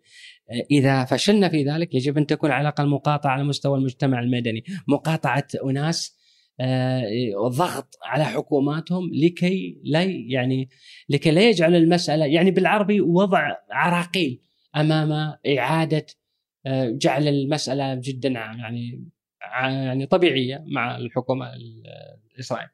يعني يجب أن تكون هناك لأن بالنهاية ما معقول اللي قاعد يصير اللي يصير تسليم كامل تسليم كامل الخيط والمخيط لهم ويفعلوا ما يشاءون ونحن ندفع الفاتورة بالنهاية. فبالتالي هذا الأمر لا يجوز. إذا كان في ضغط خارجي من البيت الأبيض وفعلا في ضغط خارجي من البيت الأبيض الشعوب غير ملزمة بمثل هذا الضغط. ممكن تضغط على أنظمة بس ما تضغط على شعوب. وبالتالي الشعوب الحية ترفض مثل هذا الأمر.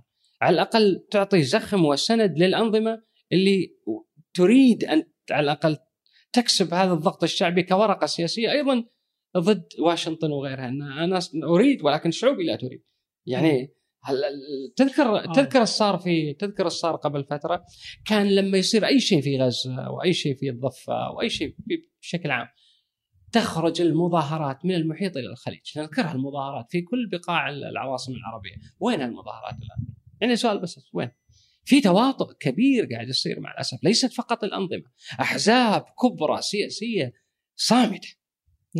صامتة. وهذا يعني يطرح علامة استفهام كبيرة. أين أين المظاهرات اللي كنا نسمع فيها؟ تخرج للشوارع وكذا انتهى طبعا البعض يعتقد إن لأن الأنظمة كذا. لا ليس صحيح. ليس صحيحا. في أنظمة لا زالت في إمكانية الخروج بمظاهرات ولم تخرج مثل هذه المظاهرات. من أحزاب سياسية كبرى من أحزاب قومية لم تخرج هذه المظاهرات. هذه علامة استفهام كبيرة. وش السبب اللي أنا أعتقد في تواطؤ تواطؤ بين المنظمات أو الأحزاب السياسية الكبرى والحكومات اللي هي طبعا حكومات غير ديمقراطية، في تواطؤ على إن تصفية القضية وإن انتهى يعني فكرة القضية. حتى من مع الأسف يبدو أحزاب سياسية إسلامية مع الأسف. يعني ما نسمع الآن أحزاب صراحة مش ما شفنا مظاهرات. أنا صار لي فترة صراحة تقريبا كل أسبوع تشوف يعني فلسطين وفلسطين ودائما على الآن ينتقل تنتقل يعني السفارة الأمريكية إلى القدس ويعني توقعنا بركان كبير في العالم العربي ومثل أنت شفت يعني شنو صار يعني. آه فك الله يعني أوجاعهم وأسرهم المشاكل وإن شاء الله ما أدري والله كيف يصبح هذا هذه المنطقة تحتاج استقرار تحتاج يعني لكن الاوضاع يعني صعبة فنقول يا رب لكن لكن اللي يبغاك برضو موجود أنت على شبكات التواصل الاجتماعي. نعم. آه مدونتك لاحظت إنك ما تدون. أنا واحدة في سبتمبر. نعم أنا أسف إن انشغلت في الآونة الأخيرة. مقل والله. اي والله انشغلت في الآونة الأخيرة. لا فعلا أنا مقل حقيقة. ولكن اشتغلت بأمور أخرى خارج عن المدونة. أكتب شغلاتي خارج عن المدونة. ما أكتبها على على الإنترنت لا لأن مدونتك رائعه سيكون برضو كل ما تحدثنا عنه ما يهم الناس في هذه الحلقة في وصف هذه الحلقة. آه كذلك حسابك أنت نشط على تويتر. نعم. نشط على تويتر فسيكون برضو حسابك في وصف هذه الحلقة. شكرا جزيلا لك آه مرة ثانية وثالثة. الله آه حقيقة الحديث معك يعني لا يمل. الله وطريقتك في التفكير يعني تستحق أنه نسمعها مرارا وتكرارا. نتفق نختلف. صحيح. لكن ال- الهدف هو النقاش صحيح فالنقاش هو اللي يوصلنا إلى شكل أفضل لفهم آه، الآخر لفهم بعض آه، لمعرفة كيف ممكن نحصل على. آه، أو نصل إلى مجتمع مدني هيك بيقولوا. أتمنى الله أتمنى نعم صح مدني مشكور أخوي عبد الله ما يسعد. قلبك الله والله. والشكر موصول طبعا لريما ريما طلال على المساعدة في الإعداد وبرضه لصادق أحمد اللي جالس خلف الكاميرات وخلف آه، التسجيل. وشكرا لكم شكرا للجميع. يعطيكم العافية.